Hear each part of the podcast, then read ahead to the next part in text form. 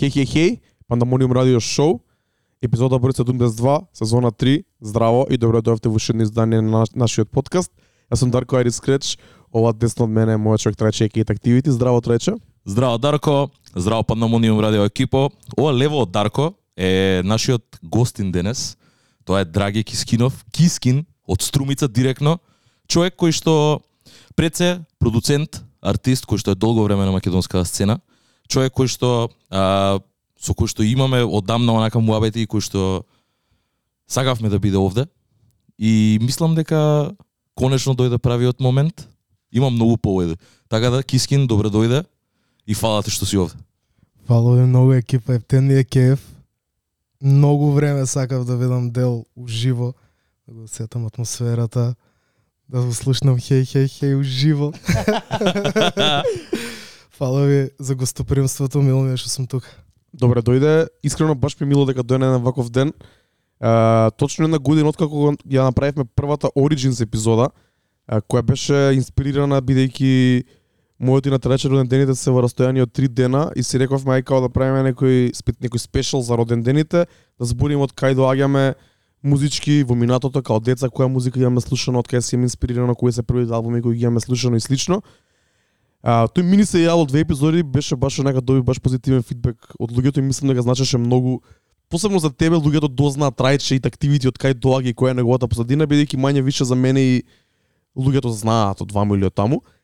И многу е добро дека некако се дешава точно последна година да го продолжиме тој мини серијал со правиот човек Кискин кој е за нијанса постар од нас, а, има живеено во друг град, има растено во друг град во Струмица и може да е друга перспектива од нашите и баш онака добро да да каже неговата приказна, но да не биде само Origins, да не биде само минатото, туку да биде пастен презент, да збориме за тоа што прави денес после толку време во играта и после толку време бидување фан на музика и на хип-хоп. Апсолутно.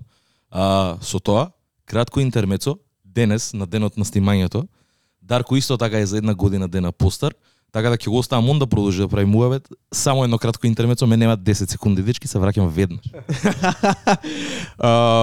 Многу ни мило дека правиме спешал, многу ни мило дека киски ни на гости. А, рековме дека оваа година сакаме да донесеме што повеќе гости во Пандамониум радио Headquarters. Леле, Е, брат. малце, чекај, чекај, чекај, чекај. Ова е makeshift све. Ја не можев да најдам а, свеки, немаше барав, ДМ get your shit together. Се викаат дека се convenience store. Ич не беше convenience за јас бајлево да најдам свеки. Среќа. Среќа Кискин од Струмица заедно со цела екипа дојдоа и донесоа свеки, така да Дарко, те молам најсреќен роден ден, те сакам најмногу на цел свет. Фала, фала. Уште премногу да се доживееш благослови само, така да... У! У! Сирените кај се. Па па па па па па па. Добро е. Добро, две и пол, три минути продавме нова. Fire Hazard ки му установ. Трајче се дугна сме. свегата за 2-3 дена што треба да ја дугне. исто така, исто така. Да, има, има резерва свеки сега за... Не, За следна епизода, да. Али да се надоврзаме на муаветот. Многу ми е мило што сме што сме на ваков ден овде, има многу поводи. А Origin серијалот беше стварно интересен и за мене на пример, и знам и за Дарко и за тебе дека зборевме. Ретки редки се тие моменти кои ќе можеш да го кажеш тоа толку длабоко да навлезеш во таа приказна бидејќи го збориме тоа константно.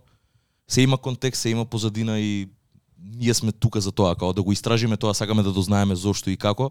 И мислам дека и Кискин е човекот кој што може да ни ја даде таа перспектива за некоја што не може ние да ја доловиме, можеби. Пред да почнеме само само да те прашам, дали слушајќи го на Кискин од песната Мали ствари се инспирираше за тоа Кискин да го викнеме на Origins, бидејќи ја кога го вратив пак да го слушам пред некој ден, ја слушам таа, ако не се лажам, трета песна на албумот Да. и баш збори за Origins ствари. Си викам, трајче 100% го слушал ова и си рекол, ај нека тоа е Кискин, малце, Кискин малце. Origins. А, нема, нема да земам кредит за тоа, али кога ми го кога ми го кога ми го спомна тоа, тоа тој факт може би подсвесно, ама знаеш како? Баш тоа помислих, извини.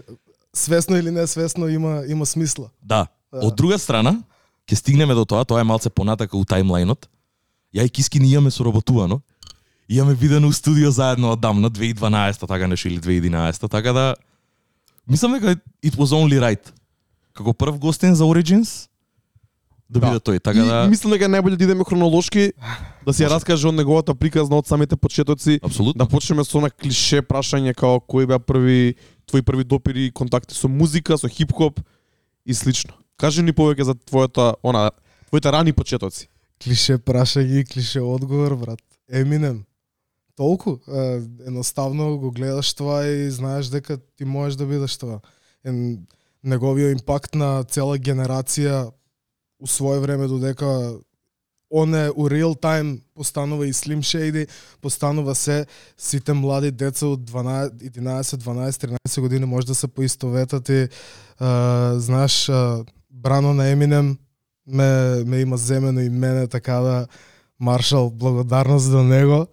А, А, не знам брат, меѓу време, значи имаме германско MTV, слушаваме што ни пуштат на германското MTV, се сеќавам многу ми се ареса па поагресивни звуци, смисла Linkin Park уште од Hybrid Theory, Майк Шинода рапуваше, а, ги слушах Лимбискит, Фред Durst ми беше многу јак, значи смет, смети како дете. Guano Apes, исто, не знам колку го знаете, тај бенд, германски бенд, а, Кажи ми колку години имаш кога, кога ја слушаш оваа музика? Брат, това е 11-12 години, нема да претерувам да кажам од 8 години, да оти знам за Eminem, али знаеш, това е, јас сум од 88-ма, Eminem 99-та веќе излева како што треба мејнстрим и таа е, тоа е перфектното време за дете од таа генерација 11-12 години да се да се пушта во тај свет, да се најде скрос, разбираш посебно посебно бунтовно детство, посебно тие ствари, многу лесно се поврзуваш, брат. Буквално таргетот на Еминем му е пер- перфектно успешен.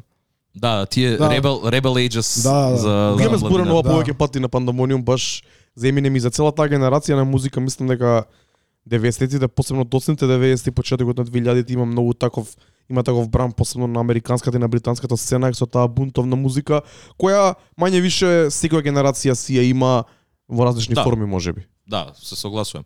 Мене поише ми е, а, на пример, окей, мислам дека Eminem е онака најочигледниот одговор, ама а, што, на пример, што значи твојот бекграунд да си од струмица, да да почнеш да слушаш музика, како беше со твоите врсници, а, од од каде од, од дали имаше на пример некое такво заедно заедно движење онака друштво кое што се склопи врз основа на музика или како беше таа динамика ти у тој свет ја откриваш хип-хоп музиката споредба со други луѓе кои што беа околу тебе.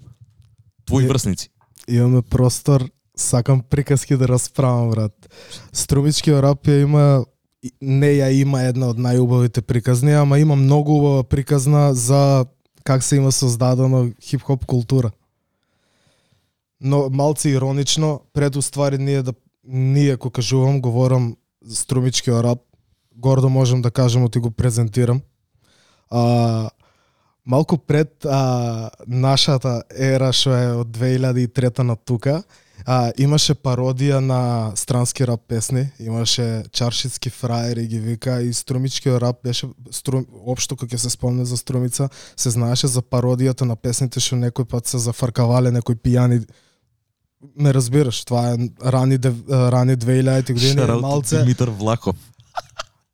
Е, неам, не ги ни познавам кои се, верувам оти, ако ми кажат кои се, сигурно ги знам, они се сигурно и повозрастни од мене, не е ни не е ни некој релевантен факт, това не е ни рап музика, ама како и да е, од секој пат е било као борба за да го скршиме тај стереотип што за струмица знаат преку тај момент. Това го неам коментирано предходно, ама знаеш ми беше а, исто така како цело време уствари ние наидуваме, еј, або, дека си струмица, е, чаршинските фраери, те кила, бе.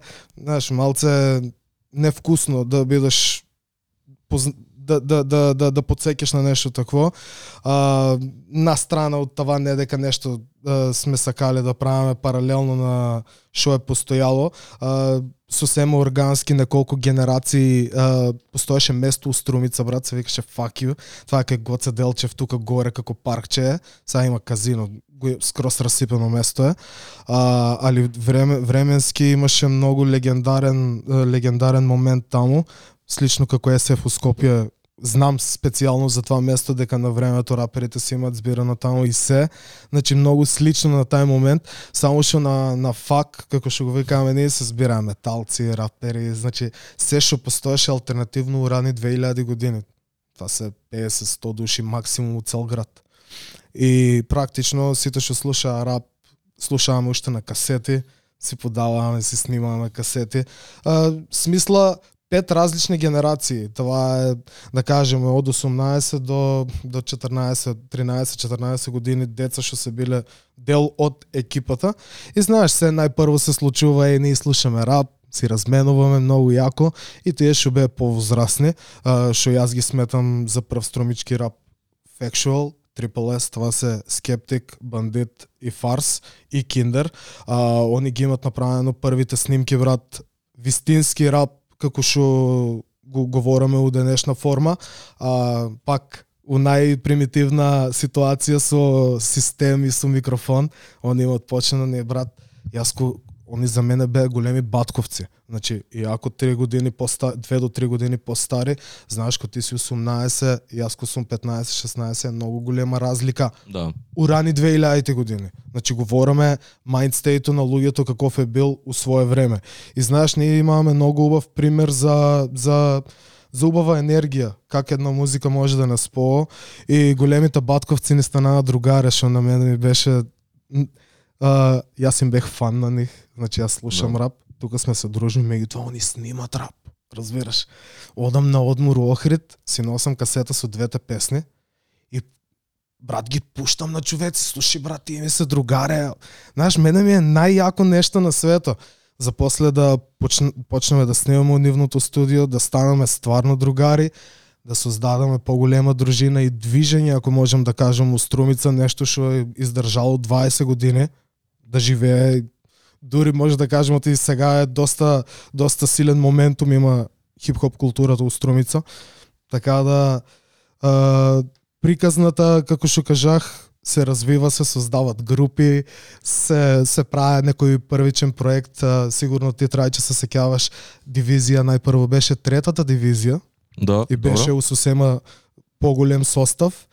Јас не бех дел од третата дивизија, меѓутоа ние сите бееме другари. Јас имах свој некој пат што си терах, снимах у храм на хип-хоп, знаеш, си терах јас паралелно мој свој соло албум, додека сите други си тераа, оти знаеш, стварна ситуација, знаеш, и деца сме били и што ти знам. А, години покасно се се реформираат сите работи кои прекинува да правам музика. Јас уште си чачкам, разбираш, мислам, уште си снимам, уште си тек научих да продуцирам, сваѓаш. Текено си да за мене времето. Секунда. И доваѓаме до момента ќе се вратам за за првиот општ мој проект, ама ќе одаме малце понапред, доваѓаме до момент да на сите им се снима пак. Знаеш, правиме од 2005 до 2008, 2009 некоја пауза, у која јас учам продукција, брат, цело време. Реплицирам се што има правено премиер, се што има правено Ninth Wonder, се што има правено Just Blaze. Тие ми се умилените продуценти и јас, брат, по прв пат, значи мене нема кој да ми покаже продукција, што ми фаќа главата логика, това правам. Наваѓам го семпло, наваѓам некој рандом кикови, рандом и знаеш се учам брат. Колку успешно у свое време, мислам времето си кажувам, меѓутоа не може да кажам оти сум бил многу добар на почеток, меѓутоа мотивација од бандата, Киндеро, Фарс, Бандито, Столјо, Хроник, поздрав најголем до него. А, Абе, брат, ајде, знаеш, малце повеќе мотивација ми даде, оти никој пат не ме е било, брат, за сам да правам музика, секој пат сум сакал да делам енергијата, учу, дефинитивно знам оти сите го, го, го, го, го имат тај сон, и зашо да не го, го живееме сите, јас буквално, брат, не скромно кажувам, оти сме го, сме изживеале голем дел од нашиот сон без разлика колку за некој успех е у други мерни граници, разбираш. Јас за, за себе и за дивизија и општо за струмички рап го сметам за многу силна голема приказка. Успешна приказка, можам да кажам, да. Мило ми е. А, ја, ја, на пример, еве, сега ќе се вратам и назад. А, сакам да те прашам, спомена за продукција. Што, што, што дојде прво? Снимање музика, рапови или продукција? Прво беше снимање, брат. Да? Да, прво снимавме кај Скептик, кај најпрвото студио Triple S, у основачо Скептик уствари е првиот а, основач на третата дивизија и првиот продуцент у Струмица што знаеше да свира што кај него се снимаше и се и ние почнаваме кај него да снимаме. Меѓутоа нешто покасно правиме прв концерт у Струмица 2004 година преку Мирц, може да ви расправам и за тоа накнадно се упознавам со храм на хип-хопот, Вали Жиле и компанија. Значи многу убави ликови, многу убава енергија ме покани у нивното студио.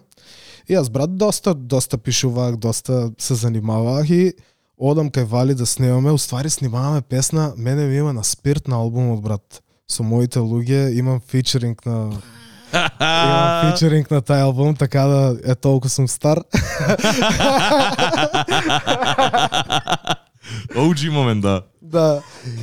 И песната која уствари Вали почна да ја продуцира општо, значи ние се собираме, това е преубаво време у кое се наоѓаат раперите у студии, продуцентот почнува from scratch. Вада семпл, почнува да го сецка, јас брат само гледам Acid Pro, само снимам. И прво нешто што правам кога си одам дома и инсталирам Acid Pro и почнувам да правам битови, брат. Само од што Вали видех как нареди неколку коцки драм луп, видех морам това да го правам, разбираш. Да, предходно знаех Fruity Loop, знаех Reason, меѓутоа ништо ништо што Acid Pro ка видех Вали што прави, јас како после сум почнал да работам, не ми е било, не сум најдел замена ден денеска продуцирам Acid Pro, брат. И на пример, еве, конкретно за за за за продуцирање на пример од од од каја влечеше инспирацијата на пример дали дали директно беше од хип-хоп, дали на пример бидејќи јас уште уште пред да да дознам за хип-хоп на пример јас слушав многу од мајка ми Шаде на пример од од дома, од од твоите, од од роднини, од некој поголем братучет. Која беше музиката у твојот дом што што вртеше? Дали имаше некој на пример што беше music head на пример у фамилија па он или на пример тоа беше надвор со со другари, со врсници за да, да за да за да ја дознаеш таа музика некој комшија или што се слушаше на пример у твојот дом и дали мислиш дека тоа придонесело за поише бидејќи знам дека на пример а, конкретно да не рипам многу, ама на пример и во твоите понови албуми користиш и македонски семплови на пример.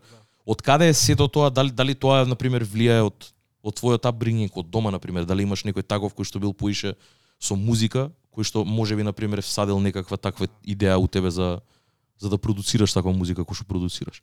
Или стрикно беше хип-хоп инфлуенс тоа како Јас брат дури се сеќавам и тетрадката како изгледаше мајка ми кој ги пише југословенските шлагери, као лирикси ми пишуваше.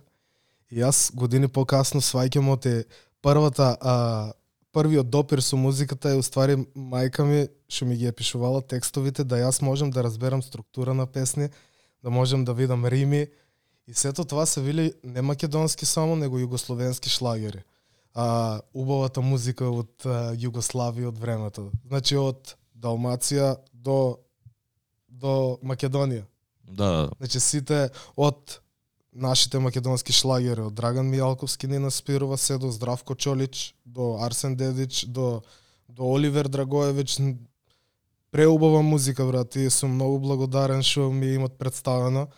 А, се имале некој културен момент да може да ја следат таа музика и мене да ми се аресува исто време. Разбераваме малце покасно со бунтовништвото и малце поагресивна музика, али секој пат се се ме поддржувале и тоа е баш баш заради нив. Како идеше таа динамика кога беше млад? А, со купување на цедиња, купување музика, дали они ти ја купува, дали ти даваа пари, ти штедеше, па купуваше преку другари. Како се купуваше, каде се купуваше, како стигаше до музиката, бидејќи спомна касети, Да. ама касети на пример е многу рано за нас. Јас имам многу малце фатено од касети, имам као фатено оној бендот македонски магија или како се викаше, тоа сум ги имал на касета, тоа се сеќавам.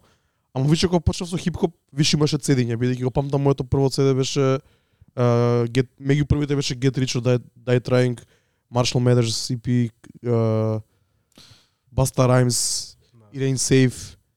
Како како идеше таа транзиција, значи каде почна да ја, да ја добиваш музиката која слушавте после касетите, бидејќи касетите мислам да се и малце порано. Да, касетите се доста порано, меѓутоа и паралелно со цедењето ти нема, немаше режачи брат, пак снимаваме ние на касети. Разбираш и да дојдеш ти до CD, пак ќе снимаш на касета за да можеш да си услушаш дома, оти немаше размножувача тога, разбираш. А, така да, почетокот на цедењата не значи да оти уште дека само цедење се користа, така да паралелно одеше. А, си преснимуваме така, најпрво имаше лик од Струмица што ни носеше цело време хип-хоп од Бугарија, Кире Краличев, голем поздрав до него. А, исто и за него баш скоро треба да се видиме да му ја поклонам цела дискографија. Он на наши другари им носеше цедина, они ни даваа на нас, преснимуваме. Кој Значи, ќе диња беше- беа тоа? Се сеќаваш на Се некој? сеќавам брат, најмногу се сеќавам оти многу саках да го добиам Inspecta Deck. А, први албум а, а, а, Uncontrolled Substance. Добро, Да. ја немаше да се сетам на името, Да, ама да, знам за кој албум брат заради тоа што главата ми е омото. Значи, Исто јас ги памтам по да, омотите. да, да. Значи за тај албум многу време чеках да дојде за да го снимам. Прво на касета, после се го изрешах, па брат имаше сајт на интернет да лодирах каверс, па принтах, си правах кастом мои цедења за моја колекција. Имаше продавници што исто продаваа бутлек, немаше ништо оригинал, с стандард прво бе 300 денара, после 150, изумреа сите продавници брат и практично Не, добро, добро, така иде нормално, секој формат си Да. има својот пик и и во секој маркет и во секоја држава и секој град нека си има посебна приказ на како се движело тоа слушање на музика и тоа продавање на музика или конзумирање на музика, посебно во овие држави ко Македонија што никогаш немале легална музичка индустрија под наводници. Ама спомни ли некои други проекти кои ти останаа, дали се слушаа многу greatest hits, албуми, компилации, кои други артисти беа во тој период да речеме во твојата тине, во, во твоите тинеџерски години покрај Eminem, да. кои други парчиња музика ги имаш и што те инспирираше најмногу? Брат, това е време на Rough Riders. Мене многу ми е останано The R. Значи, ние станаваме многу големи фанове на Rough Riders. Ние, значи, пред Rough Riders да бидат големи, стасаа тука цедина од нив, разбираш. DMX беше само DMX, Rough Riders беше у позадина, многу покасно стана Rough Riders толку големо.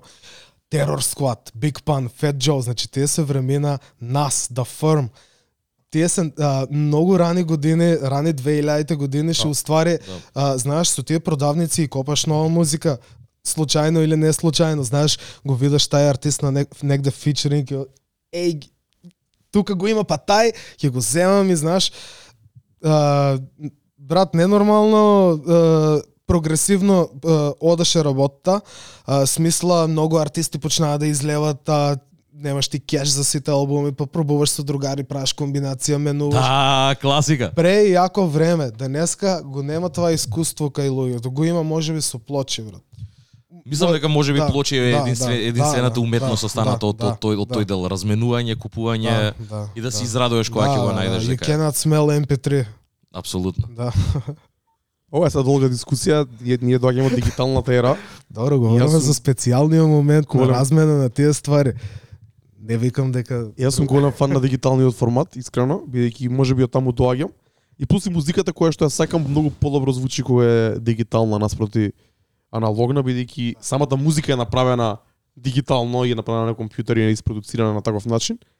Али тоа е некоја друга тема што мислам дека треба онака посебна епизода да се посвети и пак нема да се најде НЗС Никако. Не, не, не. у тоа, али јас и трајче зборевме кога зборевме за Origin, за нас најголем најголемо влијание при слушањето музика и при влагањето длабоко во хип-хопот беа блоговите и а, торентите и а, про, а, про, програмите као Каза и као LimeWire кои Першер, LimeWire, све тоа. Да, е многу, малку, многу музика. малку Тоа- покасно. да, Да. тоа е за нас двајца тоа е најзначајното. почнав. Да, да. Бидејќи таму ние влеговме онаку у океанот на музика кај што колку сакаш ти можеш да симнеш и што сакаш можеш да најдеш. И онака нема крај секој ден онака симнуваш по еден нов албум, по еден нов артист.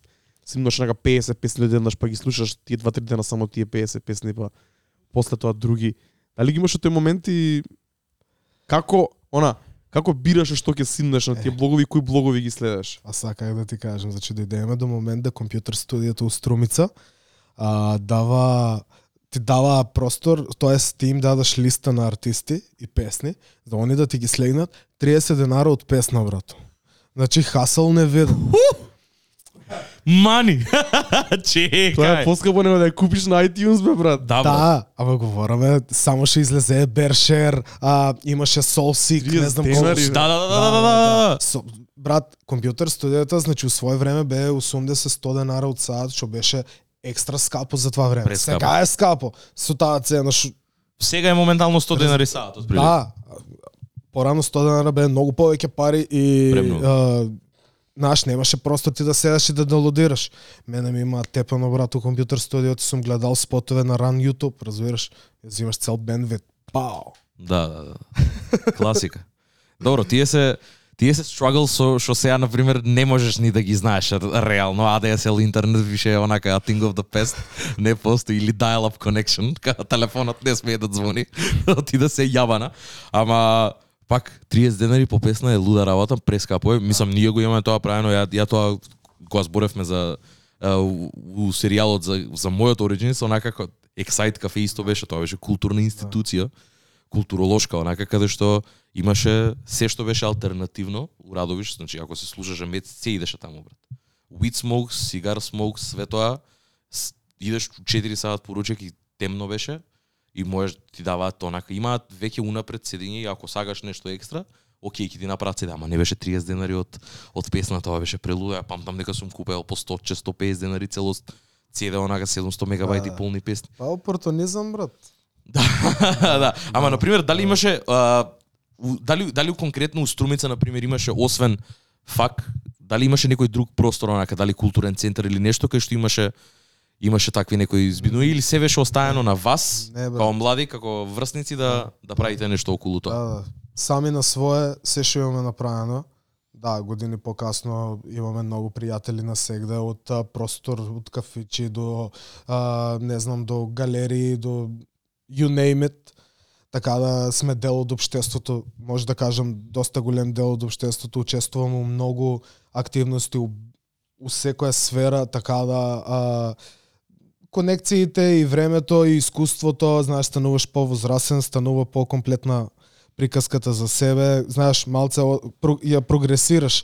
Не е са само затворен круг, не се слушаме само меѓу другарите, нашето мислење го слушат повеќе, реакции има за одредени ствари и гледаш дека имаш и одговорност спрема работа и мораш да бидеш да да да знаеш патот кој го тераш дека таа е тај брат у реалноста.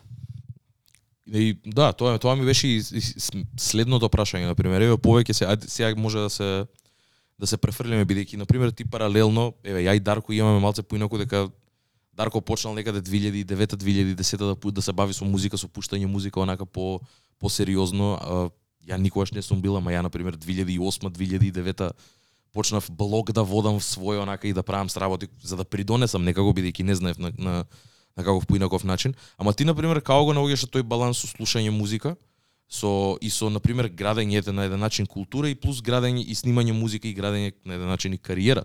Како идеше тоа, дали имаше пречки, како беше струмица и дали градот општо беше прифатлив кон се до тоа вие што го правите и како реагираа на тоа. Бидејќи најчесто у тоа време хип-хопот секогаш од секогаш, мислам и ден денес, има онака една- една негативна нота секогаш. И на пример како беше у тоа време, у тие рани 2000-ти кога си почнал да снимаш како беше на пример општеството, како и, и буквално од другари кои што не пратат хип-хоп музика до до општата јавност онака у Струмица како како, како го примаше се до тоа? А, брат, ние требаше да го наметнеме мислењето. Ние на на луѓето дека постои алтернатива, дека постои начин на изразување у таа форма. Ние сами организираме то добро са имаше младински, а да ќе го ќе го спомнам младински како како невладина организација, а, а, со која нас не гледаа како деца, се дружаваме таму, одаваме, бидуваме дел од таа приказка, Вавилон се викаше. И Исто со- со помош на Вавилон ние го направивме. Имаш и тука, брат. Да?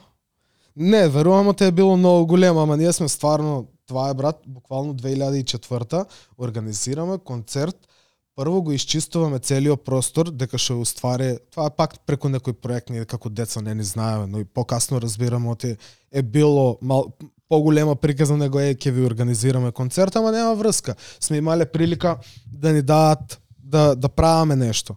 Прво за нас, после ќе ги поканеме сите ги знаеме и едно време гледаш ти голем дел од градот е тука и гледаш што правиш. Правиш после три месеца па концерт, пак праваш албум, праваш, не знам, настап и чуда и човеците, брат, стануваат свесни дека постоа постоа нешто што е повеќе од обично Абе, рапери со широко, разбираш, сме се соочували това многу рано, раните години.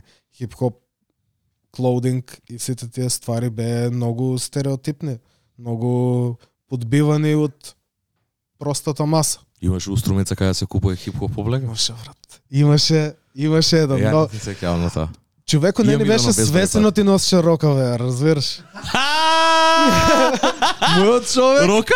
Шон Рока Джон, Уер? се брат, Не. Не беше свесен, брат. Сигурно Турција од негде ги носа и кој знае што носи. Изгледа спортски, изгледа кул, разбираш, ама он не беше свесен за тоа. Цела струмица рока джинс, но Абе, брат, имаме сребрени. Пашњаци да ти Брат, Джони Блейз, сребрени панталони, брат. Не. Имаме слики. Значи, лудница. Значи, клоудинг, Rough Riders клоудинг, скроз, брат. Како што гледа как да Треба, спота. ни треба таа слика, ни треба таа слика за кавер да ја ставиме. Таа ќе биде кавер. Рани 2000-ти, брат, тоа што го зборевме се лифт као таа ера на, на хип-хопот и, и на облекување на музика, онака останата како стейтмент. Да, да. За Да, многу да. работи, Джигиерат. пример онака, да. Дефинитивно, не. Ви, епа, и на пример, заради тоа е битно за Киски нова што го збори. Радовиш и Струмица со 18 километри разлика. И на пример, Радовиш немаше ништо од тоа, брат. Радовиш имаше книжара која што продаваше касети и CD. Немаше немаше dedicated онака продавница кај што можеш да си купиш музика. Немаше немаше ништо од облека онака буквално. Прв пат си купив облека кога дојдов овде у Скопје од Acid Wear си купивме, разбираш, кога ја на 13 и пол години. А 18 километри е разликата, да, ама и на пример и поголем дел од Радовиш секогаш кога си идело, си идело, ама не си бил од градот за да знаеш што и како е, ме разбираш, ми иделе си идело и у Струмица да пазариш и све тоа, ама никад не сум го знаел тоа, ме разбираш, ама на крајот на денот се помалку од 20 километри разлика, има толкави разлики у, у сето тоа. Заради тоа мислам дека и и битно едно едно генерацијски што сме онака малце малце сме малце сме раздвоени. А, колку сме 6, така да така му доаѓа 6 години, ама и тие 18 километри прават многу разлика и заради тоа мислам дека и битно е онака бидејќи има многу такви мали микроорганизми, значи онака секој град си има своја посебна приказна и затоа сме овде за да- за за, за да збориме за ова. А како, не знам, кога кога дали дали на пример уште првиот проект уште кога правеше тие демоа и, и све тоа, кога почна со музика да со, со продуцирање и на пример дали одма свати дека да ова е тоа што сакам да го правам понатака онака како сакам да останам овде и да да оставам онака стапка у сето ова. Брат, сосема наивно со Столю со Хроник си направиме наша група Струмица Кру. И Класик. поч, почнаваме, да, да, намерно го спомнах името, пошто не може да нема кру, да нема Да, да, да, underground, да. да, те такнува. А, беше скрос наивно, снимаваме, да, уште од самиот почеток нашите батковци, што ни се екипа што се дел од дивизија, не, као, еј, не мотивираа екстра, добри сте, keep going, и брат, ние пишуваме. Меѓутоа, се случиме со а, проблем што сега веќе не се соочуваат човеците, а това е а, требаше да чекаш брат, прво не познаваме никој за продукција, требаше да најдеш бит, а не сакаваме гордоста на раперот да, да рапуваш на бит од интернет. Тоест тога немаше ни интернет, беше на друг инструментал, и знаеш мајнцето од това време е сосема друг. И знаеш потребата од инструментали, потребата од продуценти на некој начин мене ме натара да исто така да продуцирам. Да, видехот и ми леже това, видехот и уживам од и да, инструменталите што ги правам се перфектни за текстовите што ги пишам или текстовите што ги пишам се перфектни за инструменталите што ги правам как сакаш, разбираш? Така да се се е спонтано врат, ама да, а, у свое време видехот и се наваѓам у това и дека свесен бег дека ќе го правам долго. Уште уште многу рано го имах тоа чувство и ќе го терам тај пат. Добро е, тоа. Мислам дека а, знаеш како тоа го зборам онака повеќе пати го имам кажано Македонија кога Македонија најчесто све е сведено на Скопје и интересно е кога има вакви мали покец на пример и као и Тетово на пример еве кој град Струмица исто така кој град кој што може би си еве и Битола на пример ќе го спомнам тука кој што знаеш дека исто така паралелно уште од since way back паралелно со Скопје го имали тој хип-хоп елемент секогаш и бил жив и здрав и мило ми е дека дека, дека било тоа така. На пример, А, еве, кажи ми поише за кажи ми поише за за целата таа за, за првиот, вториот проект на пример за поддршката што ја добивавте и не знам ка- како како целиот тој пат за да стигнеш еве на пример сега колку сме Инаку патем ни, ни донесе и фала ти премногу. А, огромен care package, пет проекти. А, сакам да зборам за сиве овие, а, вклучувајќи го и последниот, последниот на крај ќе го спомнеме. А, ма как, како се стига на пример за за до овде и на на кој начин уште уште у тоа време се поврзуваше со со други бидејќи и самиот кажа не сакаш да работиш сам, а сакаш да ја делиш енергијата со со други луѓе. Како како се случуваше тоа у тоа време, како идеше дали луѓето реагираа на тоа и на пример еве и соработки надвор од градот, дали се случуваа такви работи, све од тоа, како како делуваше Скопје на сето тоа, како делуваше други градови на сето тоа, дали имаше соработки уште од тоа, бидејќи искрен ќе бидам, а, и старите старите проекти, значи а, од 2012 натака знам, ама до до тој момент мислам дека и не знам нешто премногу. Да. А, така брат, значи пред напад кон дома што уствари прв официјален Тоа е албум. 2012, Да, да. 2012 а, ние снимаваме 8 години пред това и трета дивизија има изваено проект што е се вика Мокна постава. Имаше дури и физички дискови и се, меѓутоа а, паралелно ја снимах соло албум што е исто на YouTube под псевдоним Ескалибур. А, се вика структурата на културата, 19 песни брат, на 16 години имам сниман албум и това е а, знаеш, среќа или не среќа, многу време требаше додека да, да излезе и малце уладиме и само на YouTube остана. Така да тие се два проекти што постојат пред официјално, ако може да кажам, да изданијата да ги да ги пуштаме, да да може да как да кажам, а, никој пат не сме имале таков моментум со предходните проекти, бееме деца, уште од напад кон дома веќе можеш да да видиш оти веќе стануваме транзицијата од деца у возрастни а ма бе тоа што ги правиме доста совесен албум за многу млади деца. А, да, Ако не се лажам, ако не се лажам, напад кон дома е од Шурикен Рекордс извадено, Да. така? Да, да, таа е исто така многу многу убава приказна за мене. Јас сум фан на Джака од дете. Да не се познавах со него. И јас сум фан на Джака, брат. Да. Джака поздрав до старио. А, Шараут Джака. Значи како фан на Джака дури имам подпис од неговиот прв албум од Неопходно зло што е многу мал тираж, што успеах да дојдам до него и ми го има под- подпишено како Ескалибур. Значи јас сум уште скроз 16 години кога он ме прима кај него дома, се дружиме, се знаеме, исто како што и сега сум со помлади, така да јас сум бил помлади во свое време и знаеш, тај passing the torch момент ми е многу битен, оти на мене ми се има случено на у свое време и на, на, на мој посебен начин.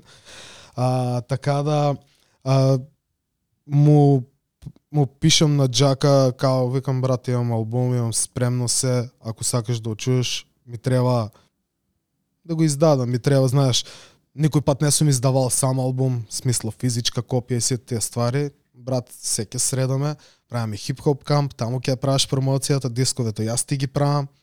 За бизнес страна тич не му се секири, разбираш. Како идеше тоа? Што, што значи во тоа време да го извадиме албумот? Да го издадеме албумот? Това значи, брат, Джака од негов джеб да си плате се за мој албум, Добро, за физичко издание добро. и да се подпише Shuriken Records. Паралелно си правиме копромоција, јас сум негов артист, он си го граде Shuriken Records и тоа е тоа. Тоа значи само за еден албум или А- тоа значи на, на, на, на одреден временски период? Не, не, немаше ништо смисло официјално, ние сме ние станаваме блиски, станаваме другари и знаеш, Добро, ама ти му ги даваш овие девет песни, Да. ова се моите да, песни, готов е албумот. омотот, Дизајните на сите албуми, специјално поздрав до Мартин Ковачки, ни ги има правено наш другар Марвел, а што е дел од дивизија, дел од струмичкиот рап, он е од Велес, он е првиот велешанец, ќе доаме тек до Велес да говориме. Он е првиот велешанец што има убркано прсти у струмичкиот рап, а и сите дизајни преку од 2012 до тука ни ги има правено он и верувам дека не не постои посоодветен дел од дел од дивизија е практично бидувајќи мајки го целиот тај момент да сите бидат слични, да имат свој момент, да го представат е, звуко, визуелно, што сакаме да дадеме момент, така да голема благодарност до Мартин брат. Ќе збориме за ова брат. За нас двајца се многу важни омотите и каверите Омот, да. визу... целиот визуелен идентитет на еден артист и на еден проект. Така да ова е многу интересен момент, Мгм. али да се вратиме на а, муабетот, значи ти само на Джака му праќаш 9 песни, Да, целосно готови или или готови. демо? Готови. Мислам и демо беа тога. Добро. Да. Омотот, Омотот не е спремен. Омотот не е спремен. договарате да ќе го вадите да, физички. да, да, да, да, да. Се кажува што треба да се направи. Да. Марвел го прави омотот. Да, да, Го праќаш ти на Джака, Джака го пушта ова да се Да.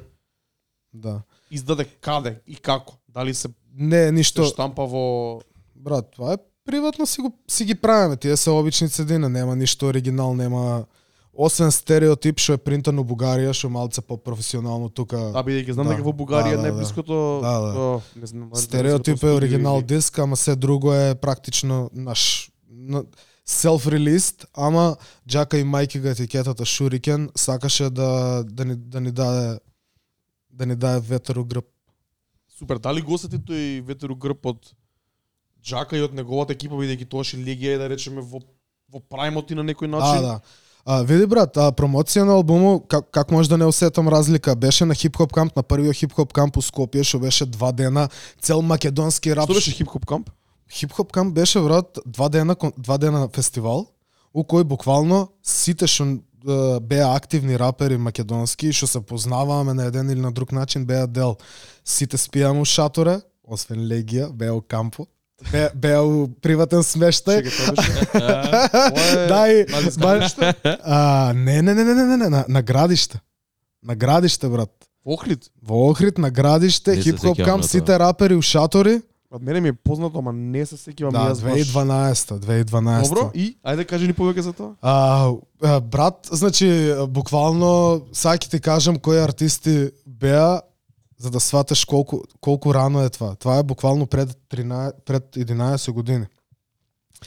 Говориме ние како е, дивизија Титаниум, легијата а, хип-хоп летика, а, and Wicked мислам ти беа, Алфа, значи многу многу голем дел од тај од, од тај дел на рап музиката. тогаш таа новата младина што тогаш. Да, тоа е, то- тоа е да, да, Уште- и кој 2012 имаше уште свежо и кој имаше многу љубов меѓу сите и баш това беше такво конекцијата меѓу луѓето беше многу органска. Сите сакаа да се дружат со след секој сакаше да се дружи со следниот, разбираш. Годините направи, знаеш, да се сите станат повозрасни, кој се повлечува, кој бизнис страната го гледа, кој се скарал веќе со некој и нешто не му чина и знаеш. Ама многу рано во времето беше многу голема љубов и многу убава дружба. Добро, и како се случи промоцијата? Промоцијата беше брат дел од едната вечер на хип-хоп камп, што уствари имаше бина, имаше публика, имаше карти, беше сериозна организација, Джако го организираше и си имах посебен момент дека што го рапуваме цел проект. Бех со Титаниум, поздрав голем до нив.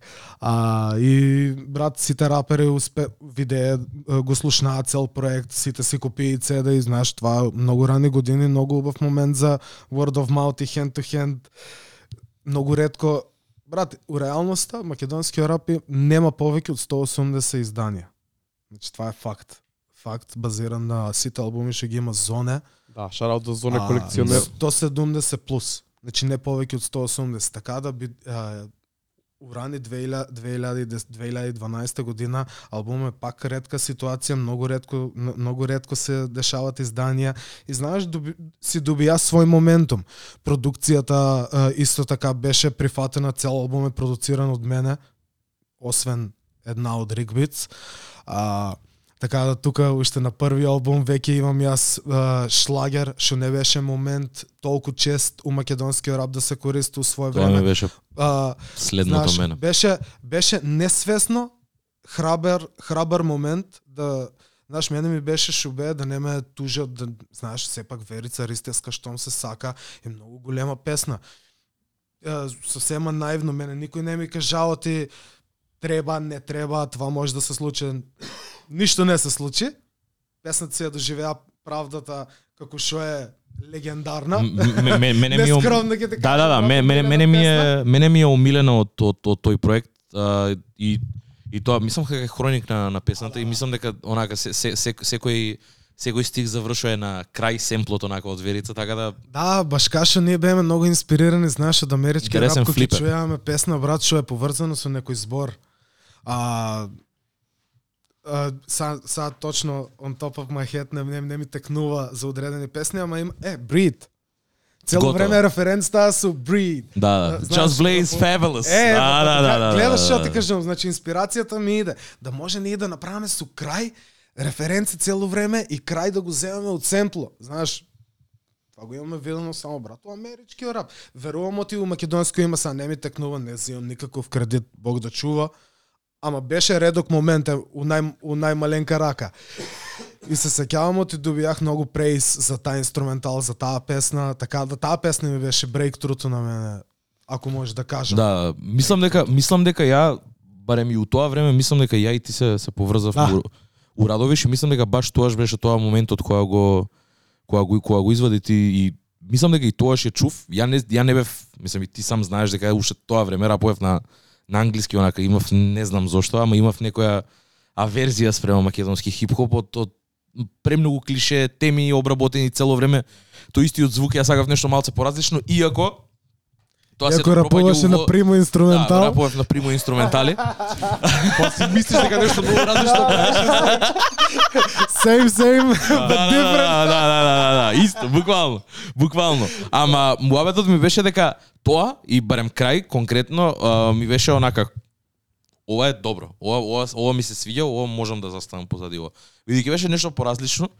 И сега на пример и по, после тоа имам видео на уште толку и сега веќе на- сега веќе и повеќе него ли тогаш, ја можам да кажам, се користи се користат македонски шлагери, се поише и поише се присутни И онака. преубави песни се имат случајно, брат. Да. Оти жива среќа, големи продуценти како Гоце, како Даре ги имат Гоце земено, да. ги имат земено и ги имат направено баш да им се случи правда.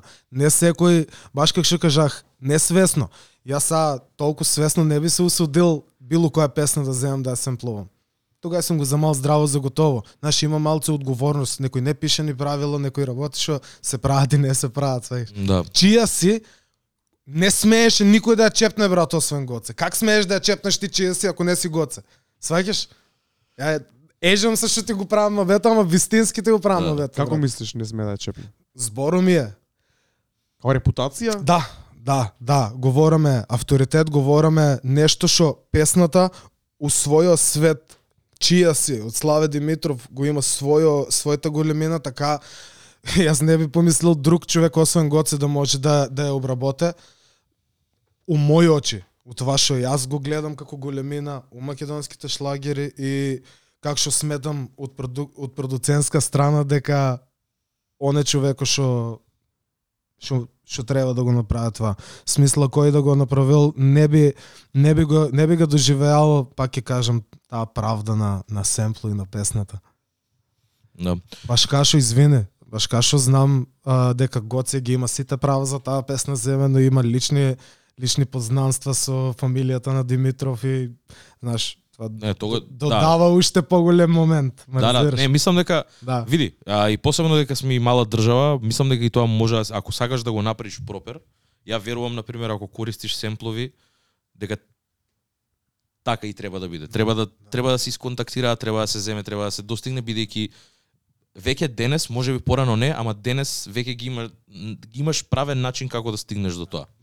И тоа тоа би требало да се испоштува бидејќи верувам дека не се доволно негува македонската музика. Ја уиз, не знам, пред 3-4 години навлевав малце у у тие по македонски шлагери води иако недоволно, лайк сум на таа тема, ама ме натера фактот мајка ми што ми го кажа пред 3-4 години онака дека е Драган Мијалковски мене ми е некој далечен дедо. Да, и од тогаш, од тогаш почнав да да навлагам низ тие води и онака а, дај ми молње, на пример ми е уште не можам пресилна песна ми е и, на- и на пример го знаеш интрото на Дан- Дај ми. С- Не знам кој би можел да кој што го викаш ти, не мож, не знам кој би можел да го да го направи тоа у хип-хоп песна. Иако сигурен сум дека некаде постои само не не знам каде. Не ја знам песната, не можам да се сетам, ама тоа интрото, Баш после емисијата ги ќе ја знаеш? Значи сега не ми текнува точно на Дај ми молње, меѓутоа кога ќе го слушнам, сигурен сум дека ако 100% постои македонска рап песна, ја знам. Не брат. македонска, мислам дека е интернационална, брат. Мислам дека е некој интернационална дека го има семплано интро, интрото на Дај ми молњи. Ништо Мислам дека е нешто ко DJ Shadow или нешто такво, некој таков продуцент. Ма ништо Од, чудно. од, од некој од некој тој таков калибар, ама не е ни битно. Сакам да кажам дека Да.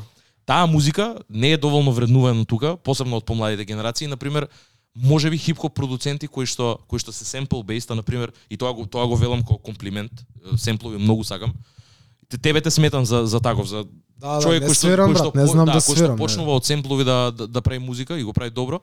А треба да треба да дадат треба да се даде, ама треба да се даде она а, на добар начин да се изведе се до тоа. Не е само да го земеш и да го обработиш колку да се обработи, туку со нега и со грижа кон тоа и со љубов кон таа музика за да се обработи за да се направи добар продукт.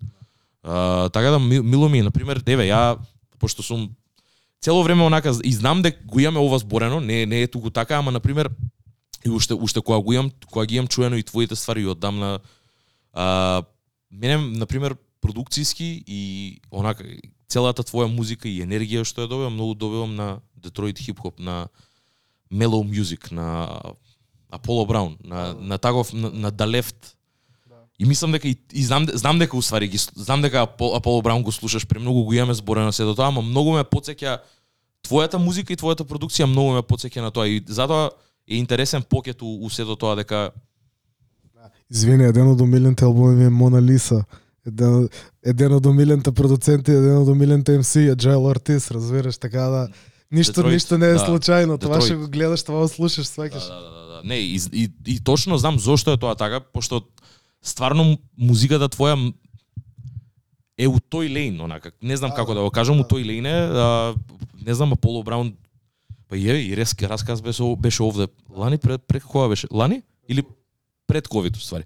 Така да, Со Екзибит беше заедно. со Екзибит беа заедно, Многу јака дешавка беше таа. предобро.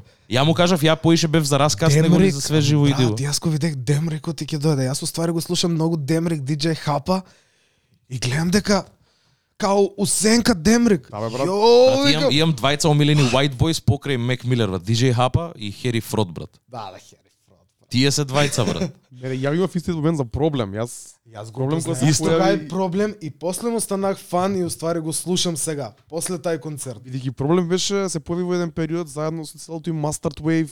Про- 2013, Проблем имаше хитови, 14. плетнам хитови од 2012. West Coast, да. West Coast, Ама не го да. знаеах јас проблем, брат, уопште. Интер... После концертот му станах фан и го следам и му слушам музик поштено, брат. Да, и затоа ти викам тоа, тие се интересни конекции бидејќи не знам, ја 2010-та, не знам дали го знаеш The Left. Да. А, исто, мене ми е еден од омилените албуми, тоа на топ 50 албуми ми е на сите времења, Apollo Brown и Journalist 103. Мене ти си ми у тие води и на пример заради тоа викам дека си ми како интересен джеп у целата хип-хоп музика и заради тоа на пример пак не сум човек кој што секојдневно слуша македонски хип-хоп, ама на пример тебе можам да те знаеш у свој лейн да те ставам дека као и семпловите што ги користиш и начинот на кој што ги користиш семпловите многу ме потсеќа на нешто што го слушам Да. од сцената мене која што ми интересира знаеш и можам таму да најдам некоја поврзаност Да, да. и заради тоа мислам дека и тогаш крај највише ми фати уво онака као тоа беше тоа беше почетокот и си викам окей ова е топ и мислам дека после тоа беше кога е извадено ова 2012-та, кога това- 2012 А, летото. летото 27 значи ова било месеци месеци Не, не, подоцна ја и ти сигурно- сме се виделе Не, јас мислам оти можеби и пред тоа сме се виделе, брат. мислиш Оте, кај да. Мартин у студио Да, да, да. Да, зај па добро, ќе објаснам причата. Беше 2011, ја уште ја веќе снимав музика, имав нешто извадено и Не, песната беше две години стара, у реалноста, разбираш. Мислам не- дека да, мислам дека да. Ние имаме чував- готова веќе и ga чуваме за специјален проект, за специјална ситуација. Да, ја чувавме подолго Да. време, ама не знам зашо ја не бев мирен, не, не, не, ми, не ми се чекаше. И знам дека имав снимено, а, тоа единственото студио кое што беше активно у Радовиш, беше кај Мартин M Production. Да. И знам Уже еден поздрав да пратиме Исто. сега до Мартин. исто, огромен Многу поздрав за поздрави денеска ќе пратиме брат, многу луѓе, многу клучни ситуации, у одредени у одредени моменти брат ќе се имале Да. битен битен момент од приказната од пато, разбираш? Тоа е најубавото. Да, да. Тоа е неубавото, преска го кажа тоа. Passing the torch и давање цвеќиња некому за сето тоа што се има десено, заради тоа постои серијалов. Значи и Дарко у неговата епизода, и јас у мојата, и сега и ти у твојата, цело време спомнуваш имиња кои што инаку не би ги ни кажал немаш немаш каде да ги кажеш Да, да, бидејќи ретко станува муабет да правиме волку длабоко за за за ваква тема која што Да, бе, е брат за нивна често се За- најмаленка рака да, заради да, да, тоа што да. само они ќе го почувствуваат тајмавет што уствари го Да, расправам. тие се тие се Ај, тоа може да би- момент. Значи ја и ти у студио бевме само еден ден. Ја уште го Да. памтам кога да беше завчера. Затоа ти велам дека не знам како се деси тоа сплетна околност. околности. Беше не ни бевме договорени. А, ја 2011 валјда беше тоа. Ја идам у студио, а, идам кај Мартин и му викам мајки снимаме, бевме договорени, си имав си имав договорен термин. И ја бев таков one take king бев цело време дич не не па не нема па не не не не, ама не знаеш зашо од фактот дека не сакав да пресми, да преснимувам брат.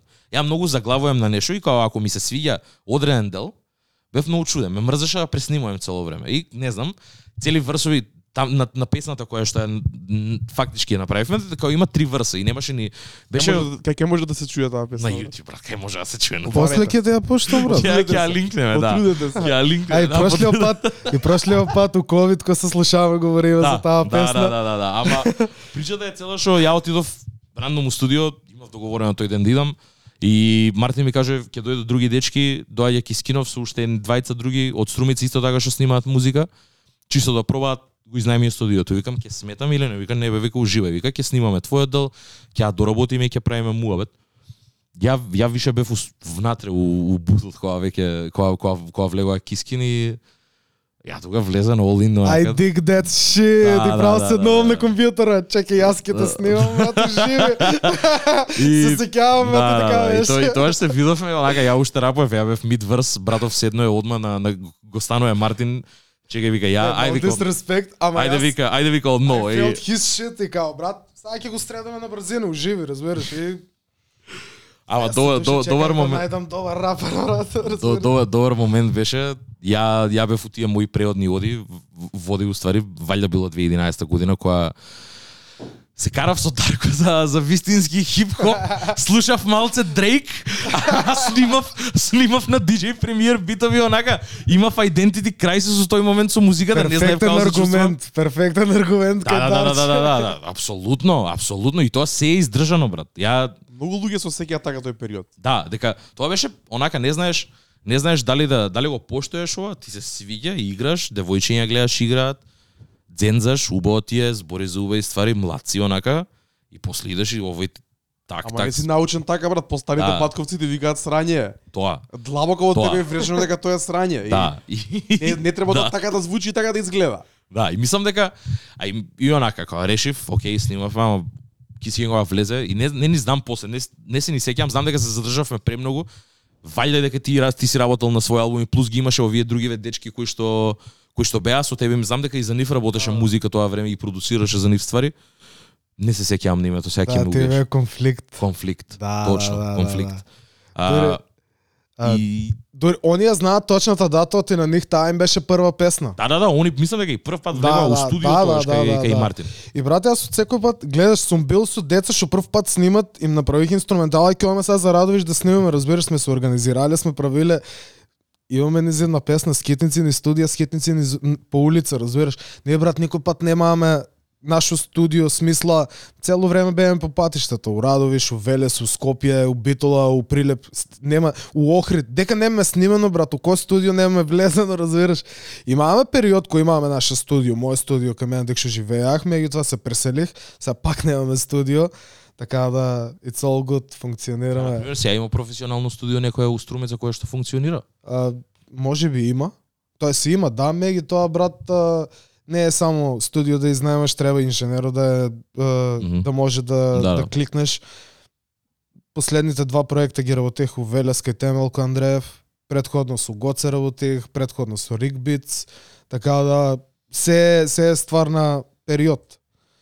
Моменталните, тоа сидните планови ми се други студија и така да смисла и кај Темеле ќе снимам и не, не, не е фиксирана ситуацијата.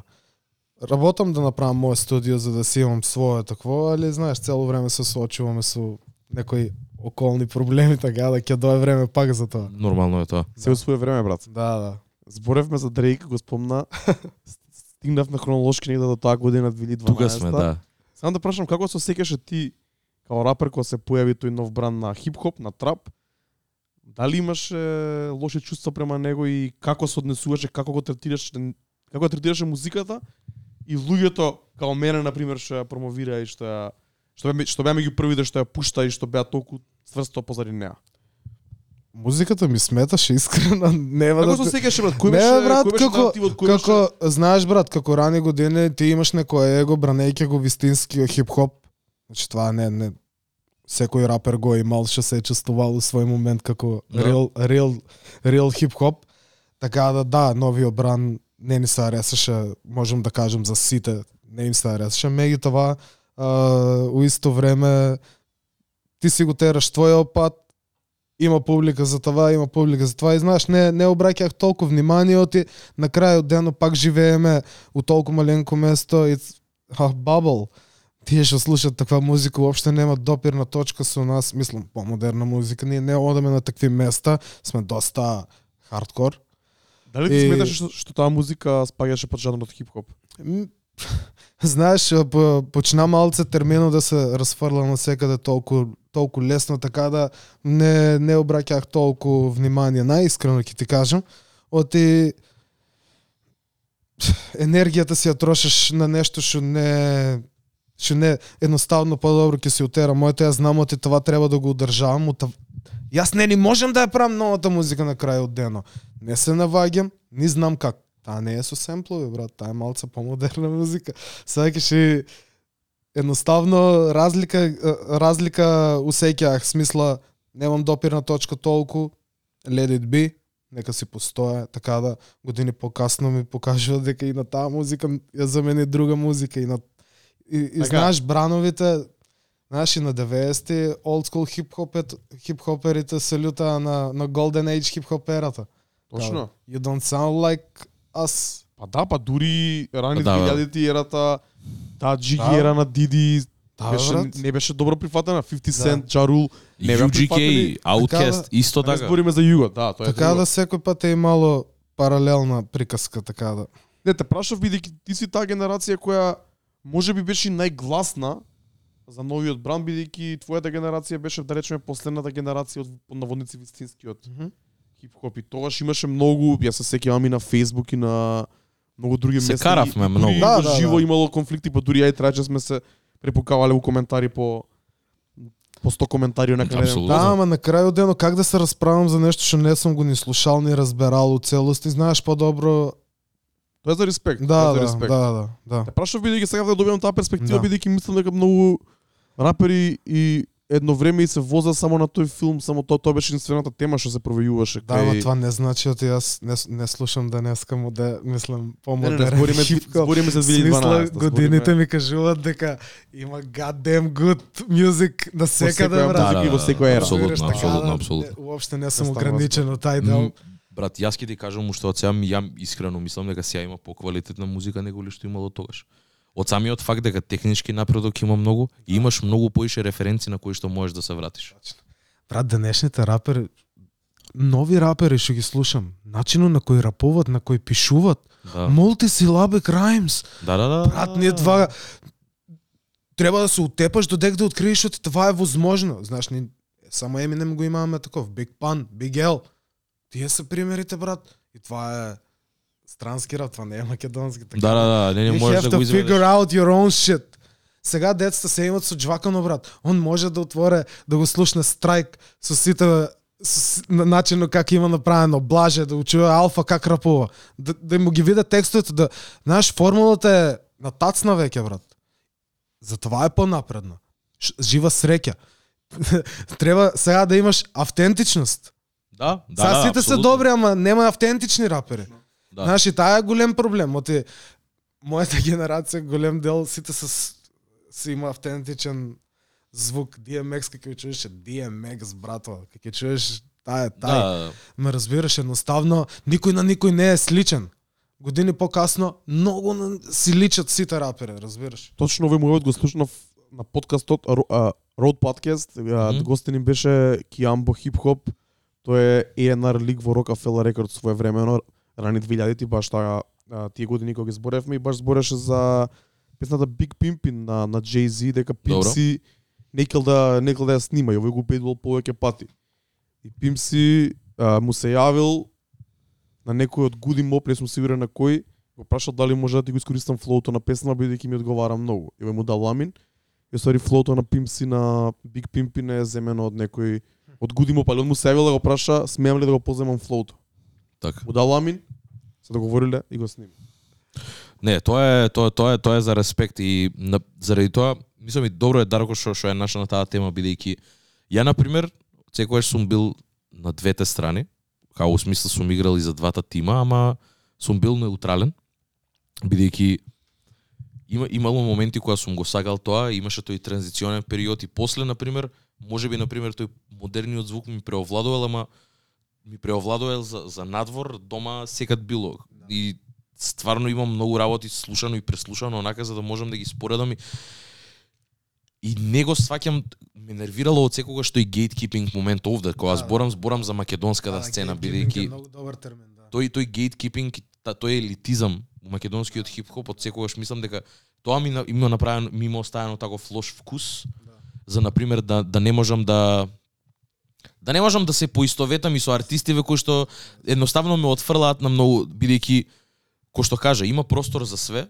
и на пример и јас сум имал такви проблеми ја ќе спомнам 2015 Дарко онака Дом Плеа пробуваше да ми го да да ми да ми го протне низ мене, не знаеш како, не можам да ти опишам. Ја бев многу против Дом Плеа кога се појави. Ја му кажам Дарко што е ова бе брат? Дали си ти нормален? Стварно. како што е ова? Ова е мислам, така сосема доволно ми е Джоуди Хайролер што го имам у Америка. Као ова ми е тоа. И после после сфатив дека ова функционира, дека е добро, дека има нешто и у ова, дека има има нешто позади. И сваќам дека сите можат да најдат нешто такво, ако ако си го тргнат тој гейткипинг момент, тој е момент на елитизам дека едно е да браниш своји вредности, своји верувања, а друго е онака да да дискредитираш сосема нешто поинаку бидејќи ти не го застапуваш тоа, ме разбираш и од таму од таму тргнав и мислам дека тоа можеби и барем тој период, а, јас осеќам дека имаше една нагла промена каде што се смени работите. Можеби не 2012, 2013, ама веќе 2014, 2015. Мислам дека нагло а, и артистиве кои што беа до тогаш активни, некако се повлекоа. Барем ја така се чувствувам. Немаш, не, немаше толку многу проекти, некако се сеста. Имаше неколку, на пример, твојата екипа беше активна и уште неколку, барем ја што знам. Да, стварно, период- стварно снема бидејќи и не знам зошто е тоа така. Као се, се, деси ко- кога имаше тотална промена од едното кон другото, кога да нема кога да нема Да. простор да да коегзистираат тие две. Ме разбираш и тоа беше многу А чудно. немаше ме простор, ваде- немаше простор поради тоа што старата генерација не даваше простор да функционира новата генерација со свој звук. Тоа што беше дозволено под наводници беше да се звучи исто како другите. И јако и многу од постарите екипи и не даваа толку пропс на, на помладите екипи. Си имаа по една екипа или едно друштво што им беше што им беа како нивни деца и тоа беше тоа. Ова го знам бидејќи ја бев дел своевремено на од приземи екипа. За нека приземи екипа, не викам дека музиката била добра или лоша тоа време. Можем да ги поздравиме Марио и Мики. Шарао до Марио и Мики. Видов- Да, бе, да. Сме били у студиото таму, брати, кај ник сум бил. Баш се видов последни неколку две недели со- и, и со двајцата се нема видено од дамна. Ти си бил у студио, Дарко мене ми кажа дека не можам дека не сум не, не сум нивен тип брат. Тоа ми кажа у 2011 Оаш, година. јас си многу влиев да, го- да бидат своји, да го сменат звукот, да бидат малку по- Брат, па не е вика ние не го репрезентираме. Ова не мислам дека ова е за кај нас у студио.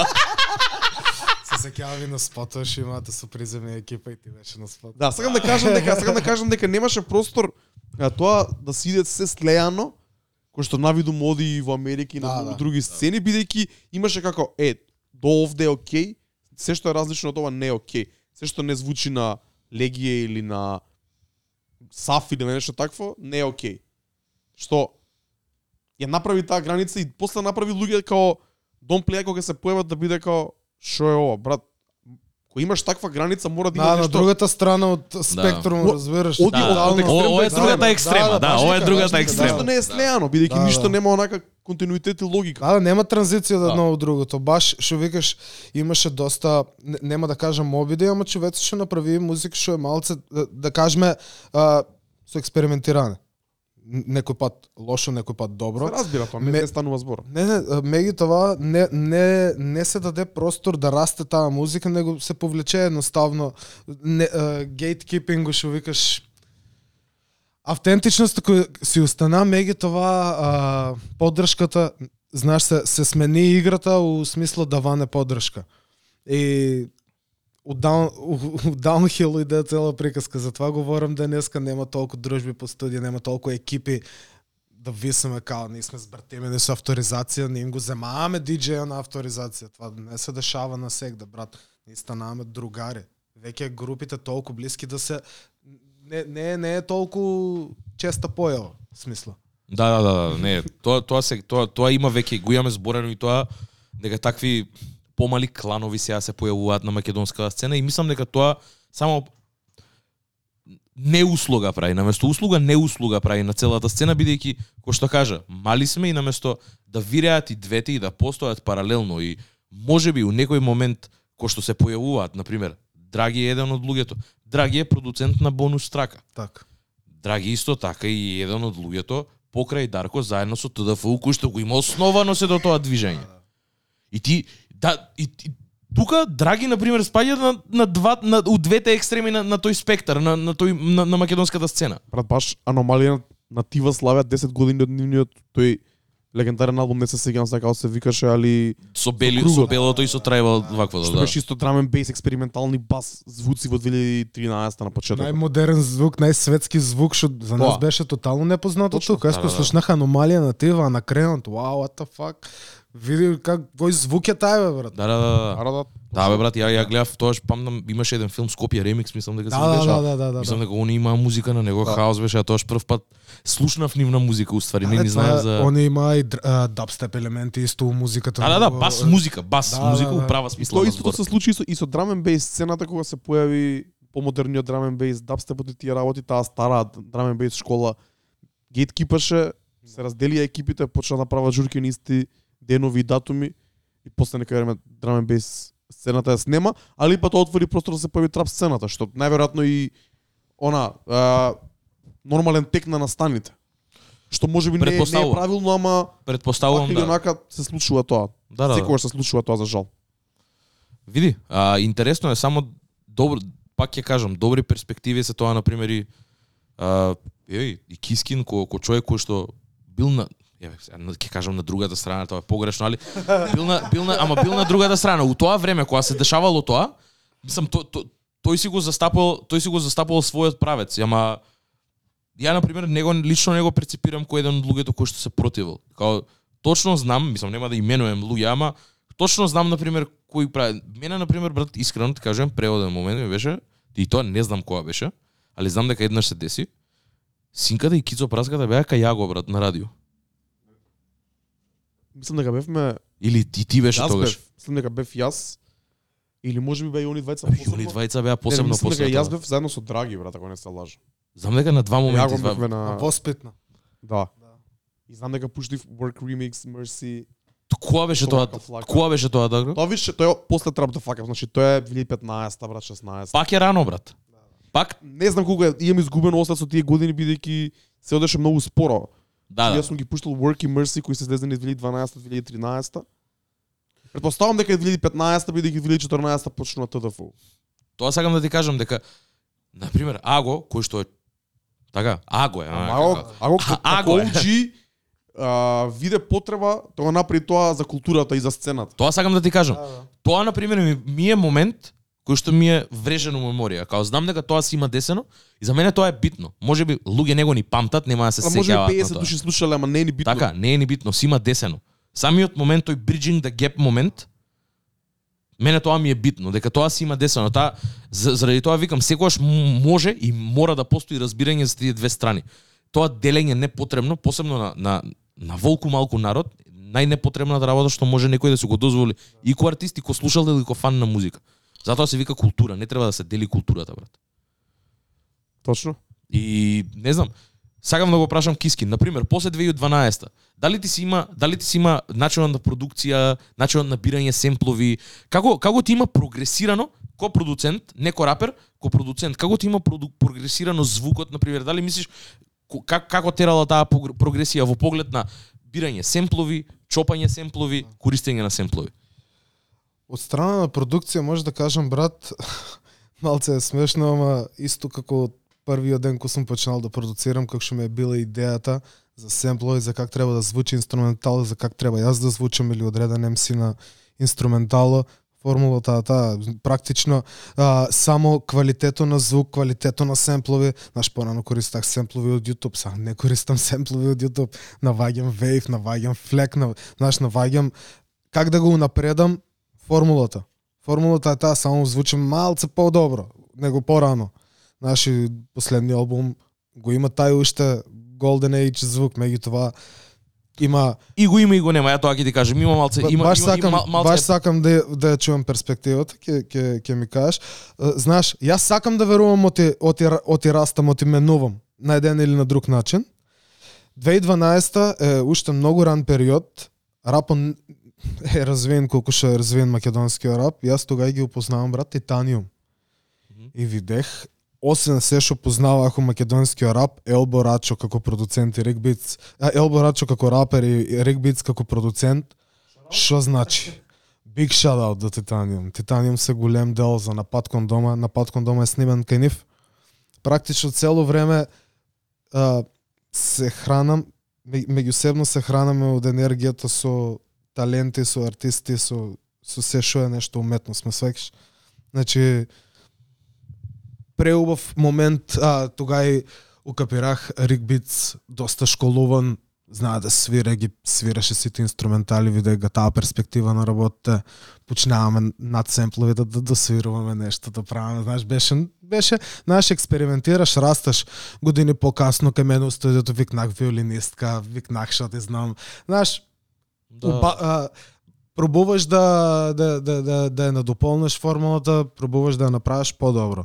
А, а, од растена на пишување, дефинитивно колку повеќе пишуваш, брат, стануваш а, смисла поспремен, по-органски ти да пишувањето, не седам јас да бубам, да пишувам, не знам, рима да терам.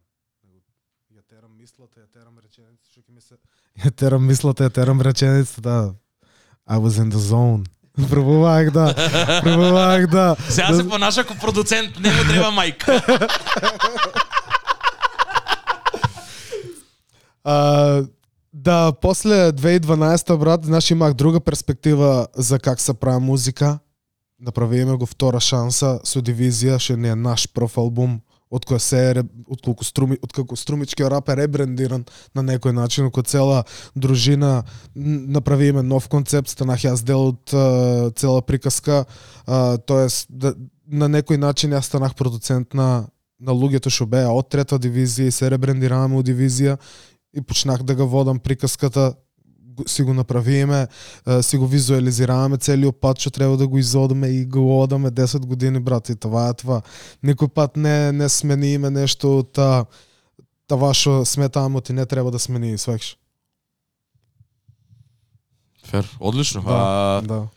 мислам дека Дарко Дарко сакаше нешто неш, нешто да начне за а, Rap Skills Battle со Е, ќе дојдеме до рапски. со ку, Не, со не, Курша, тоа тоа мислам дека кол- кога е тоа уствари? Тоа е од 17. Пред 2017. 2017 ден пред Трап Славија. Даде да ги спомнеме само и другите албуми хронолошки кои идеме како како се движеше после Вака, е, значи, снимањето на музика, вадењето на музика. Да, 2012 е снимен напад кон дома во Титаниум кај Рик Битс и е издаден за Shuriken Records.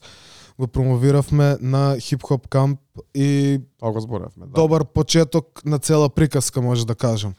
После тоа, јас ги откривам Титаниум, правиме два албуми со нив паралелно. Знаеш, јас помагам многу голем дел од нивната, сум многу голем дел од нивната приказка исто, исто така, од нивните проекти.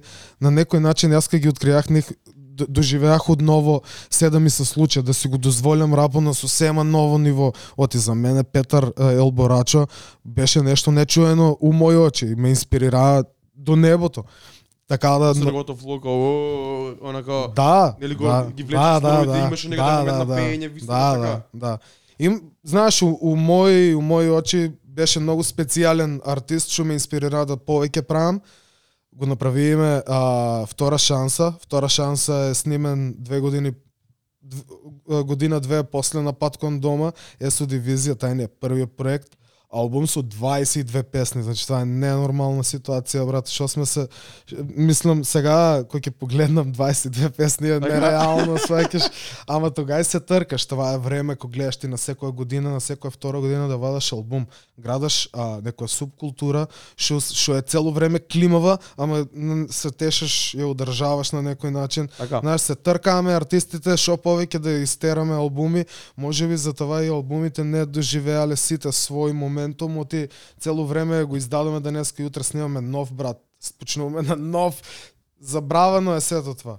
Јас сега нови албум Light ќе не знам уште колку време ќе терам. Не, не, не се нафаќам да правам било што друго додека не сметам, оти сум, сум го направил се што треба да се направи за албумот да, да, да го добие това што треба. Тоа се доаѓа со искуството, Да, да, да. со зрелоста. Да.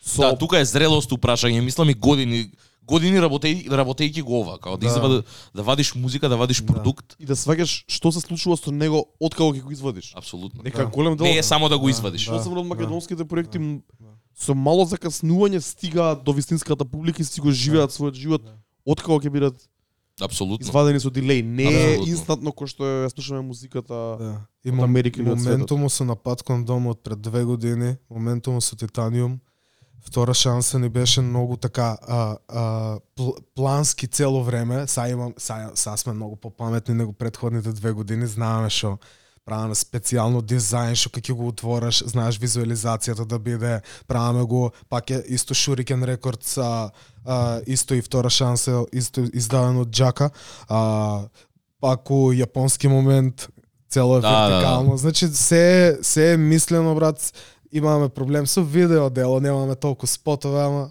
барем праваме добра музика.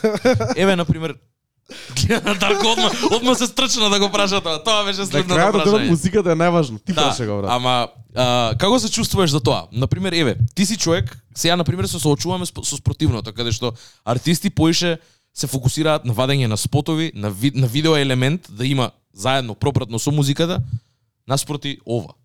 Што ти е тебе побитно усмисла и, и у тоа време и у тој процес, дали на пример некогаш а, спот и, за, и, и што што си сакал да доколку си вадел спот, што си сакал да достигнеш да постигнеш со него? Кое кое е било значењето на, ви, на, на видео елементот за кај тебе во дали даден проект, дали кај даден сингл. И на пример, еве, конкретно, еве ќе се задржаме на втора шанса, веќе го зборевме на пат кон дома. А, дали овде на пример имало лид сингл? Како беше ролаутот на пример за овој проект, бидејќи ова е деми, Дарче само да видам. ова, ова, ова е де, де, де, деби проектот, втора шанса е вториот проект кој што го работиш со, со, со дивизија. И на пример, дали имало ролаут, како било целиот план за на пример да се извадат овие 22 песни? Така брат. А, ај од од крај на, на, на тука ќе почнеме. 22 песни за да се извадат треба да снимаш 50 брат. Добро. Значи ние Да. толку многу имаме снимано да не сакаме, мораваме да го направиме да биде фул до крај. И сето това склопиме го убав концепт, убава приказна. Значи цело време албумите ги третираме концептуално, не ни се наш микстейп материјал, не ни се нешто ќе офрлиме за промо, него стварно имаме идеја, имаме концепти, тераме го. Значи се водаме пак по таа некоја стара формула. Спотовите у своје време не беа толку немаше ни смисла спотови имаше по телевизија, немаше интернет, така ние не се ни грижаваме толку за спотови у това време. Сваќаш, сега е малце подруго, ама многу повеќе од само спот треба да правиш за да добиеш recognition, за да ја представиш да допраш до повеќе човеци.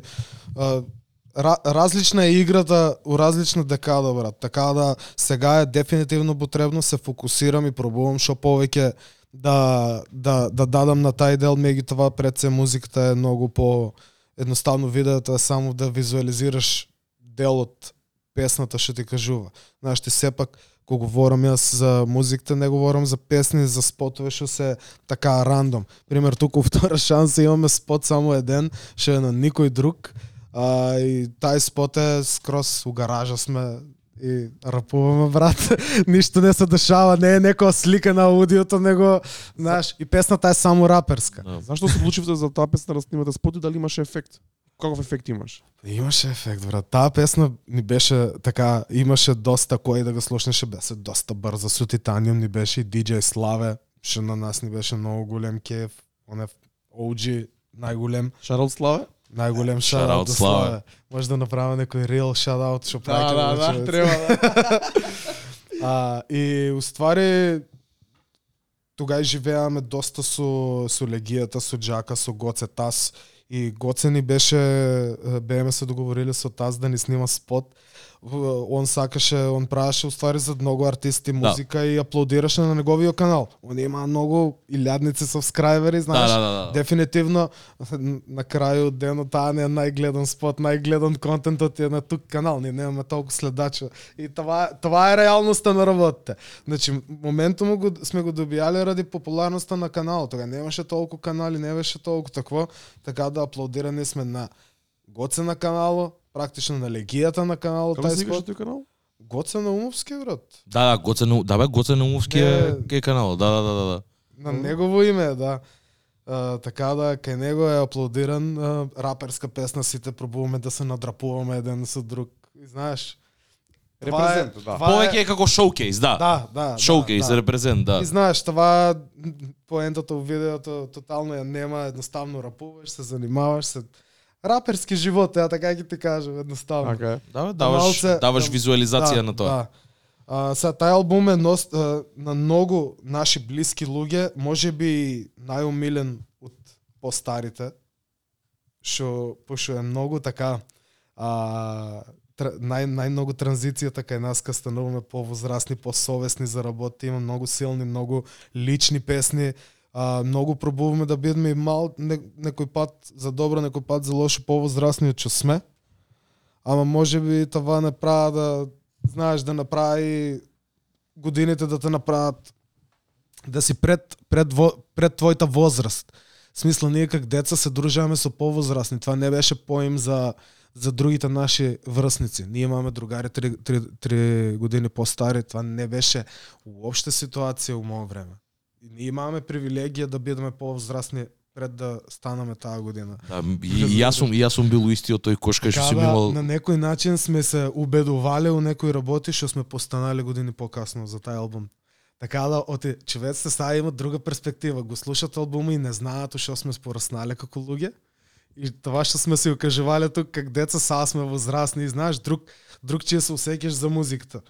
А, после тај проект, како што кажах, ние пробаваме да го изрекламираме многу добро. Јас тогаш почнах да работам маркетинг, ден да денес уште тоа работам, така да пробах, а, мислех оти имаме маркетабл а, момент, почнах да контактирам, да се ангажирам до новинаре, до а, рецензенти на албуми, до, не, до секој човек што го познавах, пробах да го искористам за промоција на тај албум.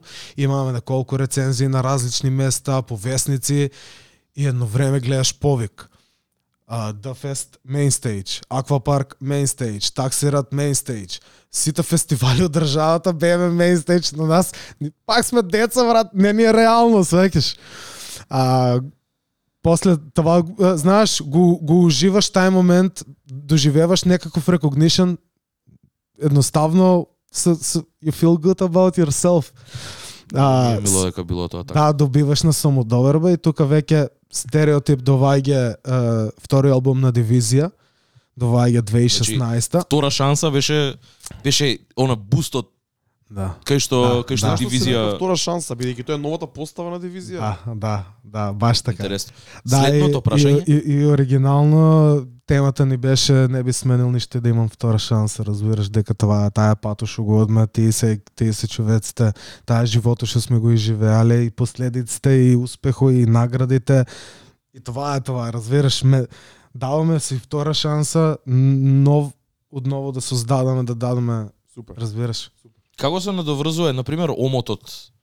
Бидејќи сите се многу засебни за себе, онака. Како и Да, знам дека се да, од истиот да, артист. Да. Како на пример овде омотот и со на пример дали можеби би- не се сеќавам на некоја песна од овде. Еве сега ги ја погледам в траклиста, не се сеќавам на, на нешто. Ама на пример дали можеби на пример у у семплот, дали можеби у, у идејата која што имате за околу албум или генералниот концепт. Како се како како на пример омотот се надоврзува или го склопува го склопува проектот у, у едно нешто. Ова ова те прашувам бидејќи се, се до сега што кажа конкретно за овој албум. Да. Колку и од луѓето што нас не следат, го немаат чуено. Приказната е многу интересна бидејќи целиот тој пушти што го имаш направено за од кога ќе го извадиш албумот Бидејќи овде тоа имаш проблем. Македонската сцена моментално тоа има проблем за откако ќе се извади проект, ништо не се случува со него. Самиот момент, са, са, самото тоа што ти имаш направено за после билдапот и после вадење на албумот да го направиш тоа, да контактираш луѓе за, за, за и на еден начин плодот да си го видиш инстантно со настапи, со со main stage appearances и на повеќе фестивали е огромна работа, според мене. Посебно во ова е, ова е кога? Ова е 2000 Ова е 2014 Да, да. година. Така да сакам уште уште тоа ми интересира на бидејќи е карактеристичен, бидејќи се гледа дека има јапонски онака инфлуенси до, до коска и у, у смисла дека као иде од лево кон десно, иде од десно кон лево Е, уствари. заврти го обратно да го видиш. Као- Ќе ти биде одгов... Не, не, Не. другата страна, брат. Целосно го види. Целосно Да. го види дрвото. Да, да, да, да, да, да. А смисла, а, пробаваме да, на, да процветаме у тај период. Разбираш Да. процветувањето на дрвото. примети видоа дека на едната Да, страна да, има цвеќење, да. на другата не има сивило. Да. Така да тоа тоа ми за- за- заради тоа ми е прашање како на пример ова го врзува целиот албум у едно сето. Како на пример колку е битно колку е битен омотот за ваков албум бидејќи приказната и тоа значењето самата музика, ама колку е и ова битно за за вас кои артисти на пример пред се. Битно е, брат. Пак а, ти дава некој почетен момент, почетна идеја. А, пред да читаш хип-хоп рейзд ми, гледаш грамофон, гледаш... Шо, знаеш, добиваш некој сенс Да, visual cues. Да, добиваш некој момент што те што те воде. И знаеш брат, а, самиот наслов втора шанса е, е интригинг. Дрвото е од темно произведува плод. Знаеш, ние процветуваме, това е нашата нај така најубава младост, дека што процветуваме у возрастни. Повеќе пати го спомнувам това, ама музиката нас не направи возрастни, брат. Дали пред време, дали на време, ама реалноста е таа. Така да верувам оти самиот самиот дизајн дава дава некој плюс момент дефинитивно и може да го гледаме другчи. Ако видиш лош дизајн, нема да бидеш можеби толку заинтересиран на крај од денот, разбираш? Дефинитивно. Тоа го збориме цело време. Многу е битен омотот, многу е Don't битен judge the book by its cover, ама, Ама барем потруди се првиот- малце да има му- да има Не, не, не. да биде испоштавано. Не може брат само текст да ставаш и завршена приказка, а ти си се потрудил унатре да има 300 страни, сваќаш. Дај малце поштовање испрема другиот момент на на медиумот. Бидејќи првиот впечаток е многу важен. Да, точно. Да. Ај с- порано со цедиња, мада и тогаш го зимаш цело време го ставаш во кола да го слушаш и слично. А сега јас слушам музика на Spotify цело време ми стои каверот. Мене јас песните ги знам повеќе по омотот го него по насловот. Да, да, да. Па дури и ја плейлистите кога ги правам, првите четири песни, дека не ставам мои кавери, овде ми остануваат врежани ми се уште веќе која која знам веќе од тие четири песни знам која ми е плейлист. плейлистата, како ги знам другите 60-70 Тие песни што ги има омоти, не внатре. песни. Да, да, да, да, да, од тие четири омоти. Пошто заради тоа, така да не знам, ја ќе кажам, е, ја ќе кажам, огромен шараут за за Марвел за сето ова. Ја не го знам него лично, се знам со неговата сестра, беше колешка на факултет која што исто така е многу талентирана у тоа што го работи. Огромен шараут, се работи за многу убави луѓе. Да, во екипата имаме чисто да не забравам. Аген, shout out до Внуга, до Жиле. А, Жиле брат исто така дизајнер што цело време прави околу нас ствари, сигурно го имате сретнано, ги прави сите дизајни за Sub Club, за Vice. Shout out again, shout out again. Супер шараут, Subclub, шараут Еа, да, Vice. Жиле исто така баш околу нови албум имаме многу план што да правиме плюс, така да тука сме. Добро, ајде да се, да се префрлиме на стереотип. Да, стереотип е веќе пуни самодоверба. Стварно, веќе со два проекти силни, веќе имаме многу човеци, гоцени прави мастеринг на, на тај албум. А, така да се беше перфектно, извади име, дозволи само, а, извади име неколку спотове што бе екстра, екстра прифатени. Значи пак ќе дојдеме до моментот, това е период кој спотовите се гледаат доста. Стереотип беше доста нераперски спот и баш сакаме да направиме пошто стереотип ни беше идејата многу знаеш а, да не биде рап спот, да биде јас ке сум доктор, знаеш. Еј се сек, Но- да, се сеќавам на тоа, да. Ја знам од ов, од овој албум ја знам што бија. да, Да, да, и текнува на, на и- тоа. Знаеш, пробаваме да направиме пак не не не сакам да кажам пробаваме да бидеме различни, него брат едноставно се се смени, ни се смени пак мајнцето, знаеш, расташ брат, едноставно не можеш да бидеш задржан и закораван на едно место, да направиме трета шанса, разбираш, зашо би? Мора мора да одме напред. А тука веќе знаеш и, и контакти, сите тие ствари другари со со видеа што може да ни направат да ни помогнат. А, има доста доста голем момент тука, тај албум. Мислам оти го знаат најмногу како дел од дивизија, како најслушен најслушен проект. Освен тие со спотови има и доста други добри песни, фичеринг имаме многу со кои Знаеш, се е било органско, не е било ништо испорсирано и ништо не е било да кажеме еј ќе вадаме вај година албум, него гледаме ти ние сме склопиле одаме по тај пат, меѓутоа самото ќе си каже кога ќе се прераснува албум, кога ќе из- направиме концепт што ќе биде, знаеш, таа посред пат се дешава за секој проект. И стереотип имаме исто така доста настапи, после стереотип Дарче не направи да многу голема, многу голема чест. А бееме у Сараево, брат, а, не препорачавам, бееме на дан хип-хоп а, публике, дека што брат од секоја држава имаше по еден представник и ние бееме од Македонија. Пази сега. Значи, това не знам как те изгледа на тебе, ама ние бееме со Стока, Едо Мајка, а, Кенди, а, значи сите големи рапери, Марчело, што не, не, не ме ни фаќа за збор са. Сите Да, да. најголеми балкански рапери со кои ние сме ги гледале како богове и сега сме у бекстейдж со нив многу поголемо него било кој мейнстейдж што сме биле на фестивале. Значењето е само друго. за нас Да. у Сараево сме. Ненормално јако искуство, брат. Не пукаме тука, знаеш. Може, може да се ставаш на, на момент да видиш колку ни е било на нас филм. Роуд трип, таму на домакините на гледат. Не сме го имале толку и това искуство тука, разбираш. Слично искуство и у Софија, у Бугарија и у Враца сме биле 3-4 пати, брат. У Софија, брат, каква сцена има и как се понашат према артистите. Ненормално. Многу убаво искуство, брат, низ годините. И тука веќе после после тоа после стереотип може да кажеме те живото се случи на многу околу нас, многу обврски, јас се преселих брат, студио немаме и а, нема да кажам прекинаваме да работиме дивизија, пошто уште работиме, имаме концерт пред два месеца, разбираш, ама дел се са странство, дури од тога и од 2016 двојца се устранство. странство. И знаеш, нема не е распадна на екипата, него е по друга приказката сега. Кој продолжи да снима, кој не, кој поактивен, кој понеактивен. Јас си терам брат, материјал извадиме, почнах да снимам кај Темелко, у Велес го извадиме Сетара State of Mind. Тоест јас кај Темелко почнах да снимам, да го снимам лайт. Почнава да го снимам и едно време лайт станува 20 песни брат. И си викам ништо. А, сад ќе извадам сега, ќе го поделам целиот проект и ќе се постари, ќе се периодот стереотип на тука, допред да снимам кај темеле за лайт, тие ќе ги извадам како посебен проект, така да The Lost Tapes е практично Setara State of Mind на некој начин. А, да после лайт Да. целосно го снимам кај темелко и целосно го изработиме и е баш тоа што го замислувах од дете да создадам таков албум брат како што секој пат сум сакал да го направам и го имаме. Това е А, го зборевме СТР State of Mind на првата Да. во првата сезона Да. на Pandemonium Да. Radio Show. Видеото е достапно на YouTube кај нас, ќе оставиме и као линк. Ако ви интересира повеќе, скокнете до таму, тоа беше COVID Times, зборевме преку Zoom, али пак направивме краток, но добар муавет за тој проект. Да. Краток и проектот.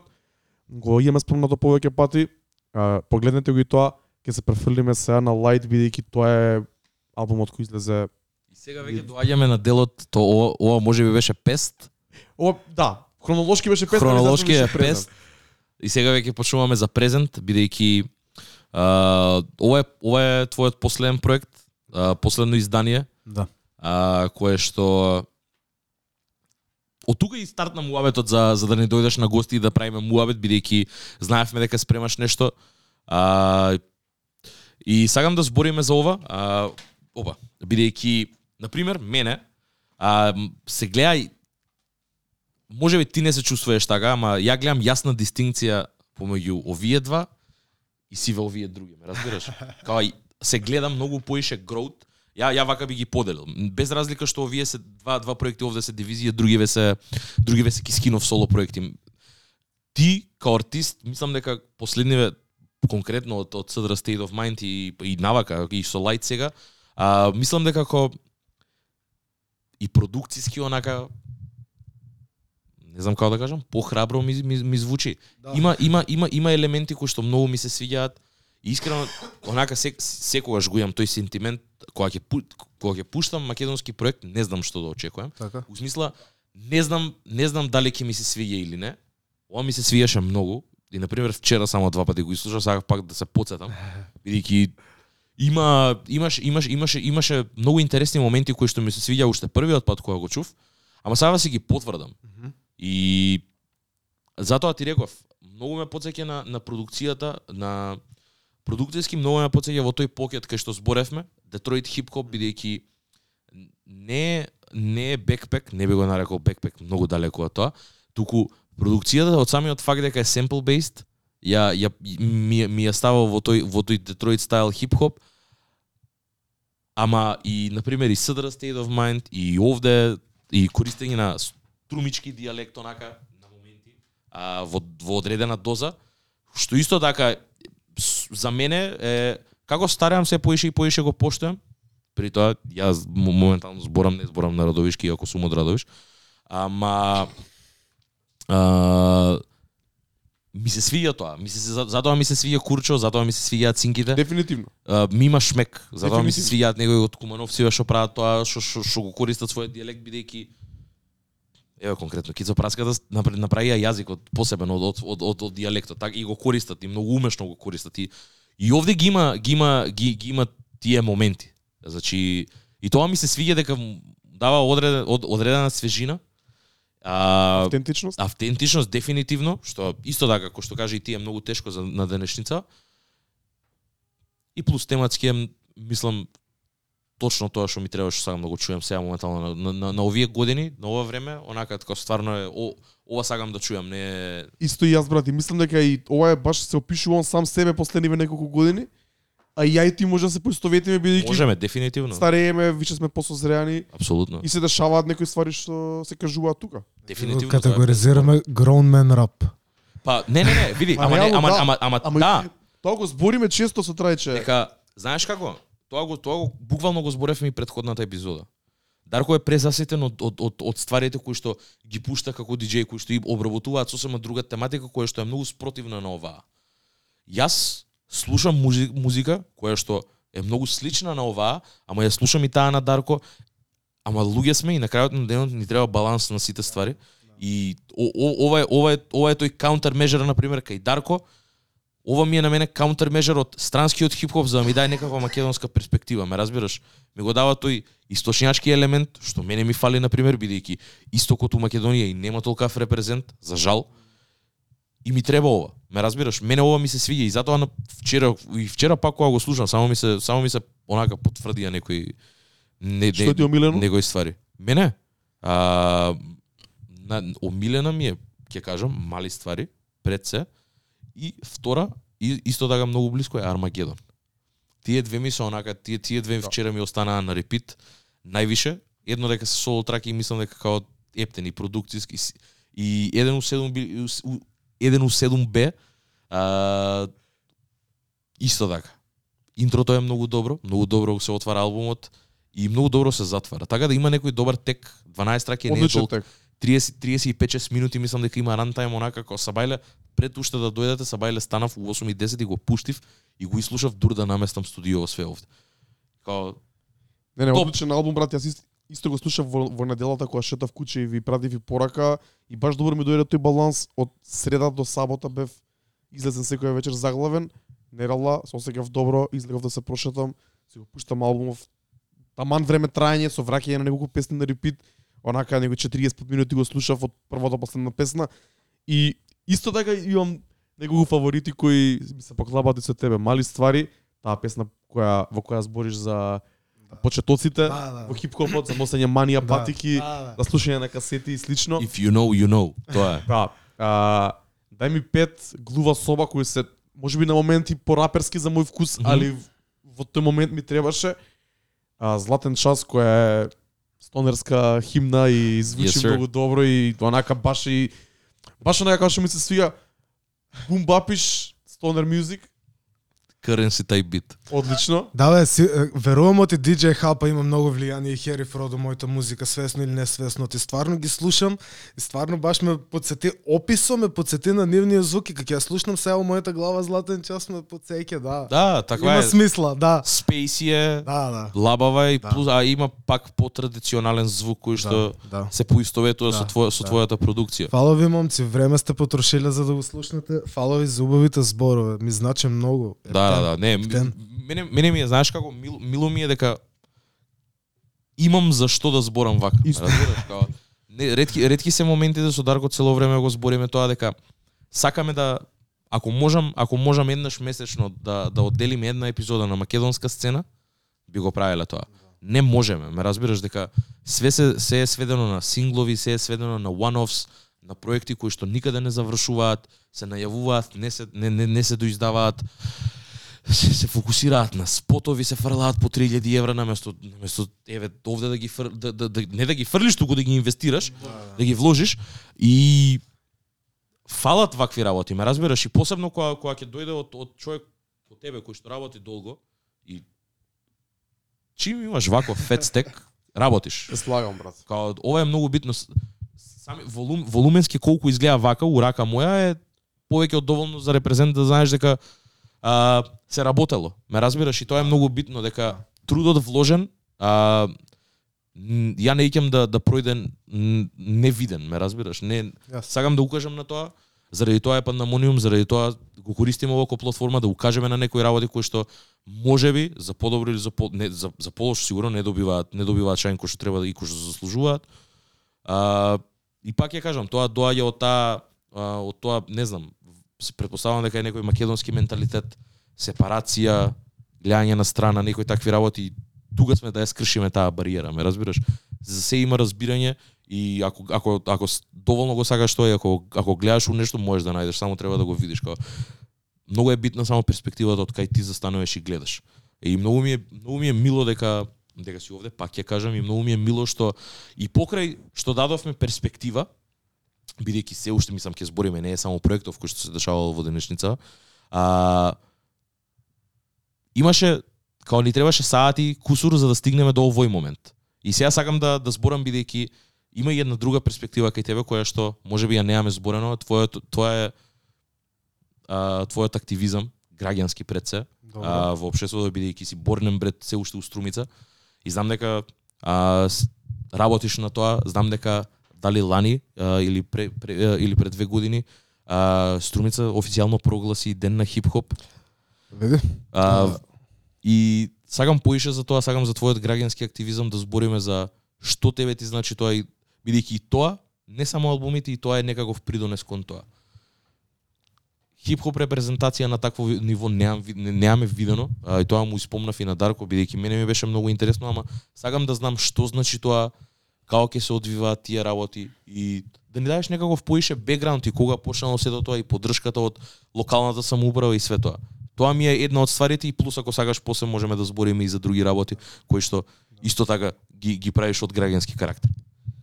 Брат, годините прават да човеците те познават, да знаат дека правиш музика. Знаеш како што како што правиш ствари, опознаваш човеци и пробуваш да а не да бидеш виден, него да да бидеш дел од обштеството и на на повеќе начини. Посебно ако некој нешто е блиско до тебе, а, така да на сосема ненамерно пак е тоа сосема органски, бидувајќи дел од различни а, активиз, а, а, различни а, активизми, смисла од различни организации, од различни настани, а, отвара пат за да видат дека и раперите не се само рапери, дека има нешто, знаеш, а, брат, пробуваме да едуцираме за хип-хоп култура. Два е веќе повеќе одбидувајќи само артист, повеќе одбидувајќи само рапер у студио или артист на YouTube, разбираш. А, и со самото това 20 години што сме смениле многу генерации на деца, не само на деца, него децата со кои сме сме се дружиле, сега се возрасни мажи колку нас 30 плюс, веќе нивните деца не ги слушат нашата музика. Два е това го видех сега јас брат кој имаме концерт Тоа си мах концерт со цела моја екипа, со сите буквално што можеја да бидат дел а, у култура, а што уствари градо го препознаа како многу голем момент у, у развивањето на алтернативната култура на градот. Нормално со, со сето сиви што го носиме на грбо бидувајќи активни на секаде, а, го препознаа многу многу силно и прогласиме ден на хип-хоп културата баш заради тоа што на 7 октомври се има случај на мојот концерт и пред неколку години се има случај на со Струмица. Значи Rapskills и мојот концерт пра се дешават на исти датум, со сема рандом, ние го најдеме тај датум и денови после концерто општината го прогласи тоа и градоначалникот за дел како ден на хип-хоп културата со намера да го правиме секоја година брат. Са има 50 години хип-хоп birthday 23 година, така да ќе биде таа тема. Струмица ќе има свој момент на хип-хоп и таа година. Не мора да биде мој издание или нешто, ќе се слава хип-хоп културата. Да има скейт парк са прават, така да гол- голема, голе, убави времена идат за да може да се афирмира уште повеќе музиката, уште повеќе млади да може да да го тргнат не, не мора да кажам по тај пат, него за да видат добрата страна на на сето това, знаеш, годините прават да да да да видиш дека не е се така црно или дека тука има исто и позитивна страна, така да се водаме по тоа. А го прогласиме 7 октомври ден на хип-хопо, имаше медиуми што ме поддржаа доста многу луѓе околу што како што кажувам јас сведочат 20 години за целата приказка, така да презадоволен сум брат, презадоволен сум. А, уж нема да кажам не сум само рапер јас брат Остромица, него се уклучувам у секоја секоја ситуација, пробувам нормално дека што имам познавање, не е само ради ред ме свеќаш. Така да добро е да се биде дел, да се да може да и да се слушне мојот глас и да можем да направам разлика. Што оригинално и тоа е се што правам. Мислам дека сме сите за тоа, си сите сме за тоа. Мислам дека Да, ама тој поентата на хип-хопот во старт како субкултура сака да направи разлика, прво да направи разлика. За тоа и тие некои измешани коментари кои беа и можеби против тоа да биде денот препознаен официјално од локалната самоуправа или од владата или од естаблишментот. Не се согласувам со тоа бидејќи на крајот на денот чим ти си стигнал до таму, кога Джейзи стигна во белата куќа, тоа беше најголемиот онака еден од најголемите успеси на хип-хопот бидејќи ти од субкултура од момент кај што не сте не сте имале каде да, да се дружите, ви се ви да. смевале за, за носењето на облека после 20 години градот го препознава тоа и целата држава го препознава тоа. тој full circle момент кој што го зборим. Буквално и се додека се почитува, верувам дека со вас како позадина ќе се почитува тој ќе се одржава на правиот начин. Да, да. Тогаш е она дури е огромен чекор за хип-хоп музиката и огромен, Огромен. чекор и за Да. а, локалната самоуправа и она а, владата или како и да се вика тоа во Македонија као да препознае вакво нешто што е реално е многу важно бидејќи мислам дека власта и владата општо не препознава, нема допир со реалноста, нема допир со тоа што младите го живеат секојдневно. Ова е еден начин да се да се препознае Баш тоа, еј, има луѓе што го работат ова, има многу луѓе што го работеле во минатото, има луѓе што го слушаат и го живеат ова секојдневно, одат на забави четврток, петок, сабота на хип-хоп забави. Одат на концерти на фестивали надвор од државата, као они го живеат тоа 24/7 кој што го живееме и ние. Има многу такви луѓе во Македонија, има такви многу такви луѓе во Струмица, кога самиот град ќе препознае дека тоа е толку важно за младите, е многу голем чекор и Тоа е најголемиот респект чин, брат. и Да. огромен респект пред се за нив и тие што ги имаат изградено тоа, но и за градот што го препознава тоа. За, зато, затоа и велам, а, на крајот на денот тоа е recognition даен од од луѓе кои што се најчесто на другата страна. Да. Барем така се сватени, така се сватени и, и не, не дека имаат директно нешто против, туку бидејќи не прават ништо за тоа.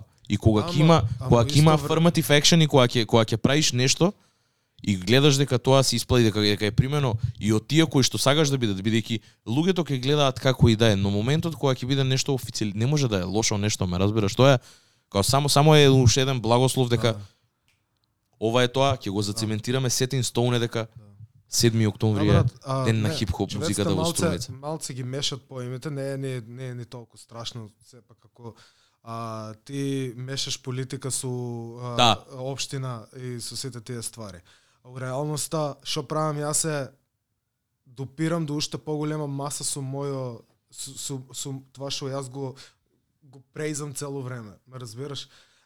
Политиката, власта е, или никој пат не се замаре. Општината, ти си дел од општината. Култура, ако нема у градот, што правиме, брат? И јас седнувам со градоначалник и му презентирам. Брат, толку народ на концерт. Това е това. Толку албум е направено. У, у Струмица нема друга алтернативна култура, имаше еден бенд Дактили брат со два албуми. Толку нема алтернативна музика. Ние сме само 20 години, што е поразителен факт у реалноста кој ќе погледнеш. Апсолутно, Разбираш? Не гледам јас простор за проблем тука да не ми биде признавана 20 годишна работа, без разлика Да. на, на, се, сваќаш? Значи, окей, ако има негативен коментар, дај ми контрааргумент зашо да не бидам признаван на тај начин, ма сваќаш? У, го спомна, да, пример многу голем Jay-Z и Бела Куќа, ама е пак small step. Не, не сакам да кажам дека, дека, дека, за- дека за мене е голема работа и е Да, добра да. работа, не е Да, лоша работа. Да, да. Да, да. Баш напротив. Далеку од тоа, далеку од тоа дека е лошо. Значи, не смее ни да биде интерпретирано како лошо.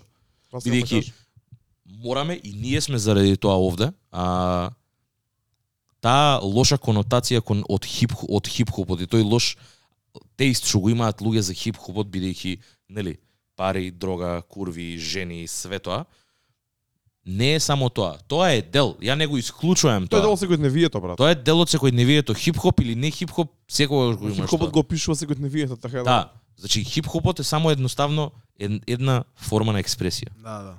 И толку е. И, и сведено во музика. Као, е најчистата форма на експресија. И затоа ти велам дека многу ми е мило дека е признаено, бидејќи е важно, Фала брат, фала бидејќи бидејќи е важно да биде признаено и се надевам дека и многу општини покрај Струмица ќе постапат кон тоа. Моментално морам да ова е поголем од мене, нема да навлагам во политики, но исто така тоа што се случува со МКЦ моментално исто така. Културата мора да биде пред се тука и присутна. Не смее тоа да трпи. Слободна и на луѓето и на артистите кои се така. делат. И Ма- соодветни луѓе на соодветни места, брат. Апсолутно. МКЦ е Е, таква може- институција која што мислам дека било кој артист ако некогаш има или фан, ако некогаш имал некој кој што сагал да види, МКЦ било местото кога с- Е уште е и Нема- за жал е се- единствено, брат. И единствено е, бидејќи е достапно за сите. Не постои друга институција овде во Македонијава која што има таков рейндж на луѓе кои што имаат стапнато во неа. Да. Сериозно, као од од секој мож- од секој from all walks of life, буквално. И не смее тоа да се дешава и заради тоа баш заради тоа мо- кај нас културата секогаш трпи, секогаш е онака стајана у позадина и не се не се негува кој што треба да се негува, а ја има и има луѓе кои што сакаат да ја негуваат, но знаеме колку е битна поддршката од од од владиниот сектор, еве ќе кажам, и од луѓето кои што се инчарджи за општ, и, и на општинско ниво и на и на државно и на ниво. И е многу битно и затоа ми е многу искрено и нервозен сум. Завчера бев и преубаво си поминав, ама тоа ме нервира дека е спротивното наместо да го гледаме растот, го гледаме даунфолот и е многу многу лошо. Не критикувам одредени луѓе, не, едноставно критикувам не критикувам нас кој општество дека се си дозволуваме тоа да се случува Ама и дека време- некој се може може да се дразни да го направи тоа. Бидејќи не чувствува дека е вредно. Убава е сликата што толку убав народ имаше зберано, брат. Това кажувало и можеме да направиме разлика. Така Стварно да, се надам дека ќе направиме. дефинитивно ќе направиме разлика, така да Е, не би- МКЦ ќе биде спасен. Да, значи а, премногу луѓе се издр... ра- имаат време потрошено и работат во МКЦ за, да- за, за да биде кој што треба. Луѓе кои што доаѓаат од страна кои што го кој, ги користат сите тие фасилитис на МКЦ за да за да го прават тоа што го прават, вклучувајќи да тебе, вклучувајќи го Дарко како организатор на настан, Шуршат цела екипа која што има преубави настани направено таму и еве допревме до еден, но МКЦ Шизи кој што се случи таму екзибит го видовме у тоа у таа сала пред нецели три месеци ние настапувавме таму, бевме гостини на Европска една од најголемите европски конференции интернационал од интернационален карактер. Сега више сум и пристрасен, ме разбираш? Од секогаш сум бил поише кофан, сега сум више и пристрасен и не, не можам да го Ако скријам. тоа. гледаш дека пробуват да наштедат на целата приказка, Ја, ја не можам да се го зазвонам. Тоа моја граѓанска одговорност е да го Да, кажам да. ова. Уште една голема ствар што си имаше на МКЦ Трапславија. Исто така. И мора да спомнеме тука и моментот. брат. Исто тука. А, фина... Јас се скогнам на финалето бидејќи не ни го следев целиот процес на вакво, ама имаше интересен момент. Дента пред Трапславија беше финалето на Rap Skills во МКЦ. Тоа е 2017 или Не, 18? не, прво беше Trap the Fuck последниот ден беше Rap Skills. Така беше? Да, може. тоа што знам дека Е, ама чекај, имаше, имаше, имаше Кискин, имаше лайн за Курчо дека Да, Курчо да, настапуваше. Да, да, да, да. За, това се сеќавам, а ти беше ден пред Skills. Да, да, да, да, да, да, да, да. Ти Курчо, Trap the Fuck Up дојде на Rap Да, да, да, да, да, да. Прво да се провераме на тај дел. Е, сега, е, сега рачунај Да, да, дека дека првиот ден отишле, не знам, од 500 до, до 800 до 900 луѓе кои што ја репрезентираат истата култура, спаѓаат под хип-хоп. 100% на двата настани биле едва и 10% од публиката. Да. Толку толку различни луѓе доаѓаат и го да. имаат посетено МКЦ, ме разбираш? За Да, то да. за толкав маг, за толкава магнитуда станува збор дека од истата култура луѓе од најразлични Ама- карактери ќе се појават таму. Дефинитивно. А, тоа беше интересен момент. Трапславија, ние помиравме многу добро. 2017 викаш дека? Мислам од е 2017, да.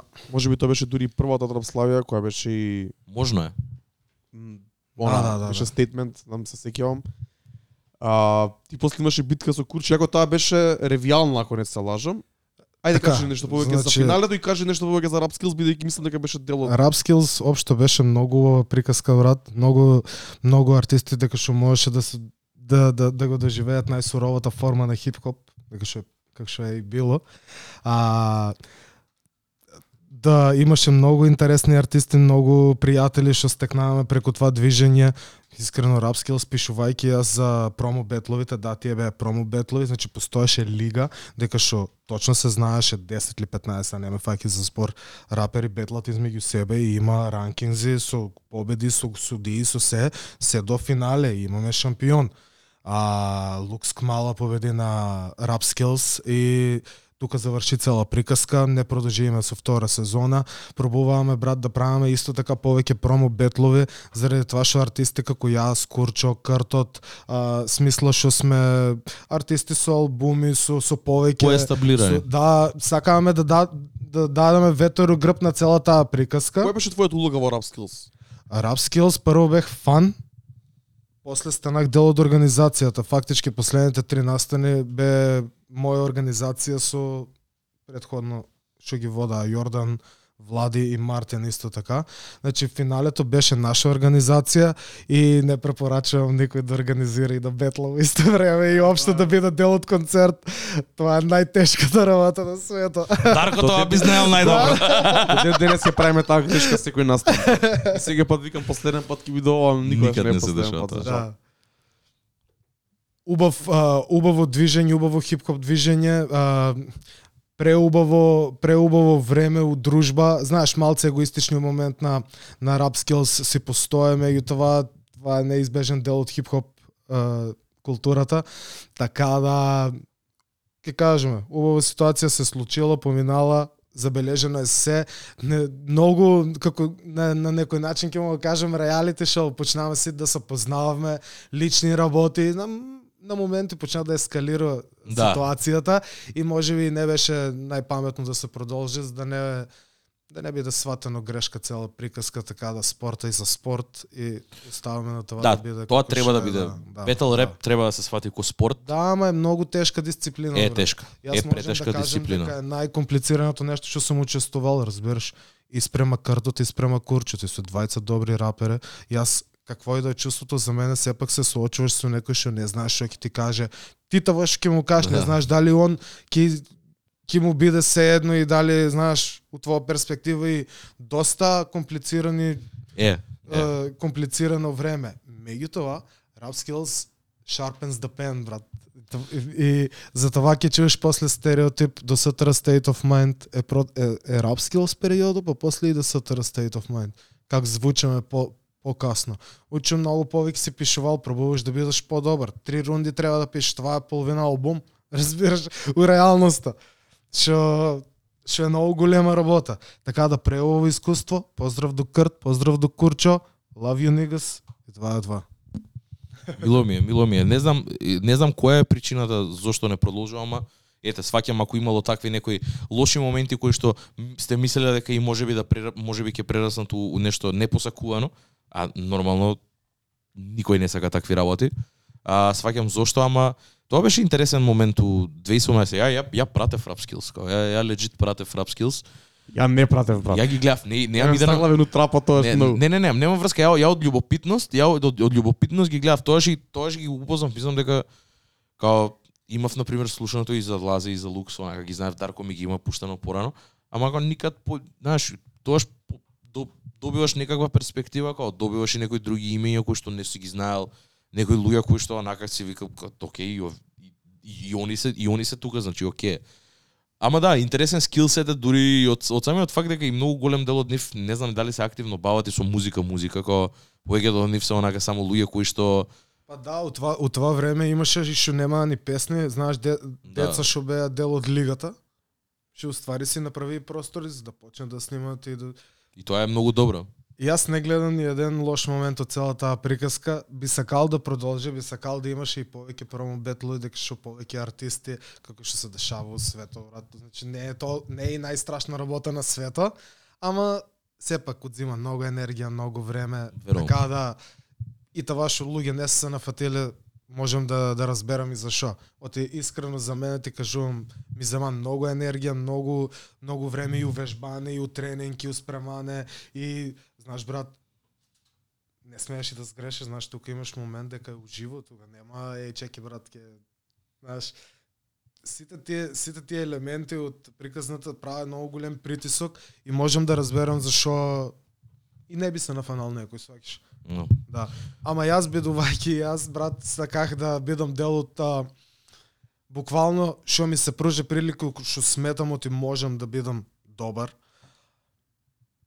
Uh, rap Skills, Producers Battle правих со Драги, исто така ми беше многу јако искуство. Од време на време пуштам музика, некако диджеј, него како мюзик селектор, учу ми е кеф. Меѓутоа, многу гранки од целото хип-хоп дрво имам фатано, искусено од прва рака и ми е многу многу убаво. Секоја чест за тоа, брат. Тоа е за огромен респект. Еве еден дев вака. Бидејќи е голема работа да се работи на хип-хопот секојдневно, и да- секојдневно и да се живее 24/7 како што кажавме веќе. Спомнавме и преска, ние сме големи фанови пред се Да, да, на да. музиката и на културата. И затоа и на драйва ова да го правиме секојдневно и во кога се и вложуваме. безрезервно, пред се. пред се. Најважно. Пред се безрезервно. Спомна за пуштањето музика, сакам да те прашам и тоа, бидејќи сме малци и кнап со време више. Е, ке те прашам прво за другиот проект кој го работиш, Хеп МК. Кажи ни што е Хеп МК и што правиш ти во него и која е поентата на Хеп МК? Хемп МК е брат, а, како што спомнах, работам 10 години маркетинг. Цел живот сум ентузијаст за канабис култура и пробах да да ги спомнам двете работи што ги познавам подобро и што сметам од имат и маркетинг а, момент и потреба за луѓето да да допрат до тие информации. А нај најпросто а, саках мајка ми да ја убедам да пие цеведен масло немаше содржина за да чита на македонски и реших да правам блог да, да преведувам, за да може прво она да прочита на македонски, па после секој на кој му е потребна информацијата за сите медицински придобивки, за сите медицински бенефити на канабис. А, така да това се случи, направих блог, преведеем со, со, со жена ми цел цела енциклопедија буквално содржина што никаде на друго место ја нема на македонски. Луѓето секој ден читат, водаме содржина на Инстаграм што има скоро 6000 следачи, органски од Македонија. Нема нема реклами тука, едноставно това е заедница што што органски си се си расте и знаеш гледам со објавите како луѓето препраќаат информации меѓу себе, как се шири информацијата. Што не знаеш што ти постоа, ама ти е потребно. Е, така ќе кажам, брат. Така да, а, у светот Америка скоро пола стейтови се легализирани фул за recreational Да. use, така да а, иднината е хемп мъка и да се надеваме оти ќе реплицираме Бернер утре други ден на Балкана. А, види се. А, Дарко изненаден, види го. Дар, Дарко се може. изненади од кај го извади Бернер. се појава Бернер цело време на YouTube ги има на Да, Forbes да, да, некоја да, листа, да, да. таму некој видео го има на thumbnail стајано како еден од да, најактивните канабис предприемачи од Бернер е хип-хопот. мултимилионерот од сето тоа, така да Да, не, не, не, финансискиот Да, да. бенефит е второ во сето тоа бидејќи верувам дека треба да се фрлат очи на Извине, тоа. го спомнах Бернер како хип-хоп артист и како канабис канасуар. Да. Како успешен билионер. Да, да, апсолутно. Парите си се на страна, мене не ми е гајле, мене ус... приказната ми е успешна мајка ми користат себе да масло. И това е се. Поздрав до мајче. И това е това, брат. Тоа е, тоа е, тоа е, тоа е најбитно. Да.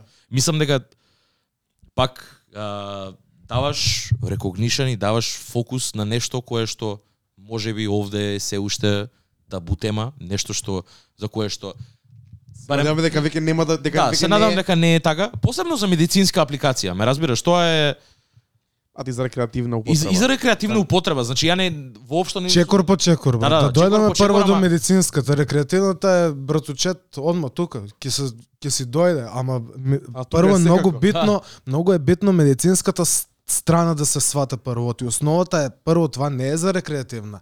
Забавната страна и сите Значи тие повеќе од, од медицинска апликација и медицински бенефит Да, за здравје. Уопште, уопште нема смисла. Значи имаме едукација, секција на вебсајтот и на Инстаграм, на LinkedIn, Facebook, што што се социјалните мрежи. Имаме вести, не укажуваме во никој случај на употреба на психоактивни субстанци, значи уопште скроз сме оградени од таа ситуација. Говориме само за што се дешава во светот, дека е легализација, декриминализација и позитивната смисла добрата страна на на таа приказка, на таа култура. Да. Верувам у тоа. да. А, мислам, имам читано, човек сум кој што го поддржува тоа, кој што е за декриминализација и за легализација, на Легализација, село тоа, фул. дефинитивно цело целосна. Со, Да не се со, со тоа да, да не биде Јас не сум експерт од Не, тоа не, не, поење. далеку од тоа. Јас чисто го е кажувам само моето И мислење. го шира збора. Ама и самиот факт од кај потекнува сето тоа, Да, да, од да. твојата од, твоја, од твојата грижа кон, Да, кон да. мајка си, Да, да, да. потекнува многу искрено место, не е за не се работи за профит, не се работи за чекај јас да ви кажам, туку едноставно доаѓа од многу искрено место бидејќи од твојата потреба за нешто произлего за да ти да можеш да да да бидеш репрезент и да Да. на еден начин да едуцираш многу Да, луѓе бидејќи водиме проекто. во ред Извини, можеби младите се упознаени со, со, со, со во, во одреден домен за сето тоа, но мислам дека постарите постарите се уште имаат таа стигма околу сето тоа и мислам дека по повеќе таргет групата можеби е можеби е сведена кон таму, но мислам дека и младата популација бидејќи таа треба да се грижи за постарите генерации, мислам дека исто така е многу битно да се едуцира своевремено, навремено и од извор кој што нема позадина за некаква злоупотреба на сето тоа. Да, види, сите знаеме фракција од големата приказка. Ама никој не не ја има соџвакано цела како што на Хем ја имаме ние направено. Буквално цел се как се развива целата студија, зашо постои ендо, ендоканабиноиден систем, как канабиноидните рецептори ги примат сите тие ствари што уствари медицинскиот дел на приказката. А, има потреба, има потреба и млади и стари да не бидеме игнорантни на, на, на вистините и на се што е веќе покажено и докажено, само го шираме зборо, очигледно човеците им треба таа информација, растаме веќе две години, брат, а, нема друг медиум што говори специјално за това, што и го тераме, ја тераме приказната, хемп, па надале. Пак- Верете страната хем МК ќе ликнеме се од ова реално дискусион. Апсолутно, дефинитивно, дефинитивно. Битно е, ја, ја, ја мислам дека и за прв пат, мислам дека и па на пандемониум збориме за нешто што е вон музика, што е такво од, од граѓански аспект, од активизам, така да мило ми е дека ете, се најде и простор, не знам дали ова прв пат кај што збориш за тоа, ама знаевме да. дека знаевме дека сакаме да збориме за тоа бидејќи мис, мислам и верувам дека е многу битно за од едукативен аспект луѓе да може да има простор каде да читнат. Тоа е на еден начин ние сервисираме онака одредена ниш група на луѓе кои што се заинтересирани за музика, можеби доаѓаат овде да да да чујат поинаква перспектива и доколку има луѓе кои што сакаат да го направат тоа, мислам дека ова е ова е, ова е правиот момент за се до тоа. Треба да се провери хем МК дефинитивно и да ги проверите стварите што ги пишуваат таму, бидејќи на сите ни треба таа едукација. Ја не сум некој голем канабис канасур, али Нема се да појави информација, кога ми се појави информација на Инстаграм од КМК информативна, едукативна, сум као е, аха, добро, Ќе го прочитам тоа. тоа е да, тоа. Да, апсолутно.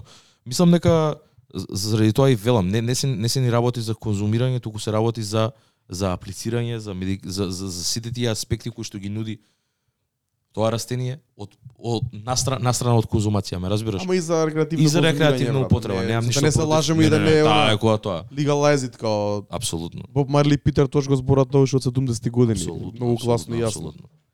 Апсолутно. Кискина, ако можеш брат да видиш таму позади колку уште колку време има на На камерче. на камерчата. Кон камерата, Е, па добри сме. Ајде, Одлични сме. седи тука и ја Дај. имам уште едно прашање. Ќе да оставам после на трајче. извинувам што морах да станам emergency. Да, нема кај ле. Да, Гледај, разбирам. ова ни е најдолга епизода, ако не се лажам сега за сега. Мога да отидеше многу гладко, затоа му го дав телефонот на трајче да види успери дека сме више многу длабоко, више сме после 2 сати. Ми слайдна на 2 сати и 5 минути. Таймстемп. Да, да, да, ни треба повеќе време, не треба да, Да. се дружиме Ајде, уште едно повеќе. прашање, не знам за тебе. Пукај. А, спомна дека пушташ музика и тоа е многу интересен момент. Спомна плочи, спомна дека си селектор и слично. Само те прашам, што значи тоа? Колекционер си на винили, селектор на музика, на настани, на забави, на а, настани преку ден, журки, гласна музика, тивка музика во позадина. Тоа е првото прашање и второто прашање е што слушаш уствари, што пушташ на тие настани? Како фан. Да, пред се, ќе ти кажам, стварно копам многу музика секој ден, со Попајче, многу љубов и почет до него. Еј, шараут до Попај. Буквално кум, респект најголем. А, слушаме секој ден копаме албуми, си имаме Dropbox фолдер дека што си праќаме албуми. Јас ќе го симнам, немаше да ти да чекаш брат, изволте тука е. Си имаме дека што си слушаме музика, дека што си праќаме ствари. Си имам јас свој вкус, песни што си ги што си ги слушам и пред се на некој начин брат пуштањето музика за мене а, јас си ги пуштам музик, песните што што мене ме кефат многу. Не не говорам а, сега пак е до момент real хип хоп и new хип хоп, говориме говориме за говориме за музика што јас го слушам и што е популарна. Не намерно популарна музика може би и не пуштам толку. Да, пуштам нормално ќе дое некој брат, ај знаеш. Нормално ќе ги испочитуваш човек таму реалноста, кој би дојдел на муз... на вечер ко пуштам или ден ко пуштам јас музика, е музика што не знаеш, музика што прв пат можеш да слушнеш, што ќе си на шазем повеќе време и ќе уживаш во вајбо, брат. Не е нешто да форсирам едноставно лабава музика и Кога пушташ музика, пушташ на плочи или со не, сарат? не, не, со сарат. Со контролерче. А, пред се него чувствувам това како, знаеш, па е уште една работа што ја правам од многу љубов. DJ у никој случај не се декларирам, DJ-ето се мастери со сема друго това што јас правам, затоа и спомнах Music Selector. А, нема не не е ништо изфорсирано брат. Обично пуштам кај пријатели у кафич или што што што веќе се познаваме, не не експериментирам да одам у некој клуб дека што уствари уопште не сум ни соодветен, да не се ни усеќам соодветно да одам сега да пуштам у клуб кој знам од има некој многу повеќе со посоодветен од што може да ga извозе приказката така да го правам това од љубов, пуштам музика што мене ми се ареса пред се. Која таа музика? Дај ни некои примери онак. Дали последнава година или последниот период или Да, пос... Дека музика што ја пушташ на секој настан. Да, последниот период, брат, слушам многу JID, слушам uh, Spillage Village, многу ми се ареса таа компанија. Последниот албум на Spillage Village ми е еден од поумилените во последно време. Интересно. Нормално нема да испомнам J. Cole, Kendrick. The usual suspects. The, The usual suspects, The J. Coles and the Kendricks. Always да. wanted to say that. как ще кажуват? The J. Coles, the Kendricks. А, така да, нас го поштавам много, брат. Много съм изненадан от последните проекти. Хитбой му, му даде нова младост на нас. Го зборевме ма поише. Да, да, да, така да. Уживам, брат. Уживам и у старите артисти што прават уште музика, уживам и у нови артисти што прават нова музика. Така да не сум ограничен, ги поштавам сите тие ствари. Тиди сега ќе ми се врате Reason, многу го слушах, брат, многу, многу ми Ризан легна. изради добар проект Многу Ланеда. ми легна. А, пробувам сега, пробувам сега да се сетам. Ама да, тие се имињата, брат. Нормално нема да ја говорам Круке да и Джоел Ортис што извади проекти, брат. Мгм. Slaughterhouse. Slaughterhouse, ја. Што тоа е баш нека што би рекол трече потрадиционален хип-хоп, али има и Да, да, го има тоа новото, го има Знаеш, тоа да, новото сите школа, тие да. Сите тие се стари рапери у нова школа, јас пак ќе Да, да, кажам да. това. Ройс. Исто. Ройс е бог, брат, нема наставно. Да, да, да. да. Као Слушам музика што е учу паралелно и учам се поистоветувам од нив, знаеш, не, не се тие артисти што прават музика ради ред сега, значи имат се по, баш у ситуација како што јас сакам да се чувствувам, како што јас се чувствувам, така и мислам дека и они се чувствуваат спрема музиката. И затоа и наваѓаме заедничко поле. Има на пример некои продуценти од од но, но, новата школа кои што ти се вака удомен онака како што ти имаат влезено у око за за нивна продукција Е, нешто. па ете, што спомнах со нас Хитбой. А иначе други нарочито не би не би нормално би ги спомнал Mixed by Ali. Тоа е цела Добро. цела powerhouse таму Да. на на на TDI. А Аполо Браун го спомнавам, ама ти не, е нов звук. Пак говориме за некој нов звук. Така да Хитбой би го би го издвоил брат, пошто е најблиско до артистите што јас ги слушам. А, например? Кордей, брат, Кордей го заврвих да го спомнам Кордей. колку ми е многу јак, не знам колку сте обратили Да, внимание. ја ја го слушав, ја го Да, слушав албум, верувам, мене не ми се имам теорија, имам теорија од он ме подсеќа многу на нас и мислам дека а, многу има влијано тука у комбинација Кордей, Хитбой и нас. Од и цело време го гледам Кордей од таа комбинација, сваќаш? Јас не знам како се чувствувам за Кордей, не знам, многу ме потсеќа на Logic, малци има корни со неговата музика. Ама Може- добар е, добар е, значи и спремен и лирички и технички е многу спремен и продукцијата му е добра на албумите, ама не е нешто што сакам. Сега да те прашам на пример како се чувствуваш и за за тој новиот звук на пример на тој потрадиционалниот звук, на пример за Гризелда екипата тоа што се дешава у Њу Йорк сега. Мислех ти не треба ни да го спомнаме тоа, да не, не, почекаме. интересно е. на- По, поише, поише, поише од продуцентска, на пример, за, за поише од продуцентската страна. Мислам за за начинот на кој што рапуваат и све тоа, мислам дека ќе ти се свија. Тоа знам дека ти се свија. Поише за продуцентска, за за изборот на на на битови, за за, за звукот, за енергијата што ја носат. Дали ти се свија тоа? They just don't care. Да. They just don't care, брат. Они взимат инструментал, бап, раповмени рефрен, многу ме гајле. Они се рапери од 90-те години, они как да живеат од 90-те години, а им успева. И това е многу јак феномен. Значи они Е не, феномен. се, не се секират уопште песната дали има структура, дали нешто ќе те задржи да ја вратиш. Они снимат брат, штанцат како ненормални, не знам на крај од дено најаки се, ама нема ни толку поента да штанцаш толку музика кој артист, кој самите фанови не можат да те следат толку. Ме разбираш? Ја мислам дека тоа е трап формулата, брат. Да, тоа е А, не знам, хајпер не знам. продукција, хајпер Да, продукција да. и Не Тој знам е- дали за Гризелда да надоврзам дека они го имат пробиено формулата исто така за sample clearance. Не знам дали го знаете тоа. Не, ајде. Значи они го продуци... за албумот што им беше за Shady, што го извади, Мгм. цел албум е sample based. Значи нема ништо свирено. Меѓутоа, они не прават sample clearance, го викат Beat Butcher, значи Derringer ги продуцира од семплови, го викат Beat Butcher ги свире, веќе исемплуваните битове и нема потреба од sample clearance. Така да 100% ројалти брато, значи как што как што как што треба. Да. Не, они се стварно феномен се. Ја ја ги пратам од поодамна и сега више ептен сум сум навлезен во нивната музика и многу ми се свиѓаат. И ама интересно ми е секогаш кога ќе прашам некој, на пример, као им се свиѓа бидејќи искрено ти кажувам, не знам на пример дали дали на пример човек кој што е примерно фан на пример на Golden Era, дали секогаш Е, Ким не се слушам West Side Gun, одма ќе ти кажам, го скокам Е, цело да. Прек, преексцентричен е, брат. Он е, он, он ми е онака, не знам, Тагов е рапер, е рапер, ама како го има, ја има, ја има таа ексцентричност на овие трапери, бе, сите, сите взаемно нив, Conway и Бени all day. Ама West Side Gun ми има некој момент што ме одбива брат и едноставно това е това. Може би е до мене едноставно. Да, да, мислам не, мислам дека е лично тоа, не е дека не е дека е ништо, ама пак сакам се, секогаш на пример ги пра, прашувам луѓе на пример, посебно и ти дека продуцираш музика, како се чувствуваш за тоа бидејќи и п- стварно на, на многу начини ја смени играта, Да, да. како гледаат и луѓе на продукција и како гледаат на звук и на структура. Да, ама реалноста не донесе нешто специјално ново, брат, заради тоа што сите тие инструментали со само семплови без битови постојат многу години назад.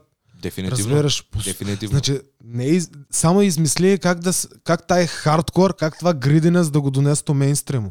Това не се дешава, това се дешава еден пат на 10 години, брат. Да, Разбираш? има има има и порани примери, алхимист е тука, Да. Рок Марсијано е тука, Да, да, да. Ка е тука. Па това сакам да ти кажам, постои Тие се уште од ситуации, 2010-та кои Да, да, кои што да. постојат со со таа Да, продукција да, слична. Да. Ама сега и тоа што го имаат они стварно имаат мислам дека имаат powerhouse Да, моментално и си интересен феномен онака Да. не нема да биде не може и не смее да се дозволи тоа да биде звукот што ќе преовладува, ама као ќе постои тука. Секогаш ќе секогаш ќе биде тука и ќе Најако е што е дел од се очи. друго што не е ни најблиску до них, разбираш, а се дел од Па да, тоа е Да, дека да. тоа ги прави да се не- наместо да се наместо они поише да гравитираат кон потрадиционалниот звук.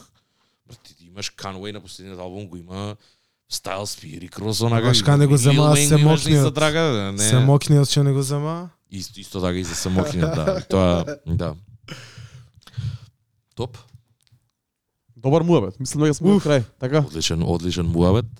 А, ја ќе кажам, фала ти многу што дојде. Многу ми е мило дека ова конечно го направивме. Мислам дека дадовме а, многу добра перспектива а, од кај доаѓаш, што што се имаш направено, како и зошто го имаш направено. Мислам дека и тоа беше целта денес да да го направиме за, заради тоа заради тоа серијалов се вика Origins а, и многу ми е мило дека успеавме да направиме као еден мост на минатото и на сегашноста за да се даде и цела перспектива на пример како тоа минато се до тоа тие почетоци како се префрлуваат во денешницата и што прават и, и целиот тој јарк, целото тоа движење за се да стигнеш до музика и граѓанска активност на крајот на денот.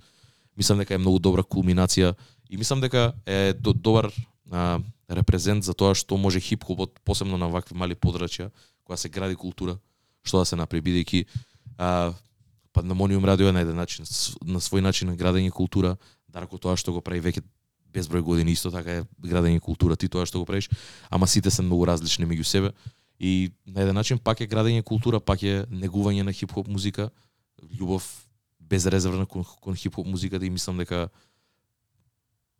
тоа го направивме овие два и- два плюс сати, мислам дека го покажавме тоа уште уште еднаш онака за чисто да се знае што и од каде доаѓа.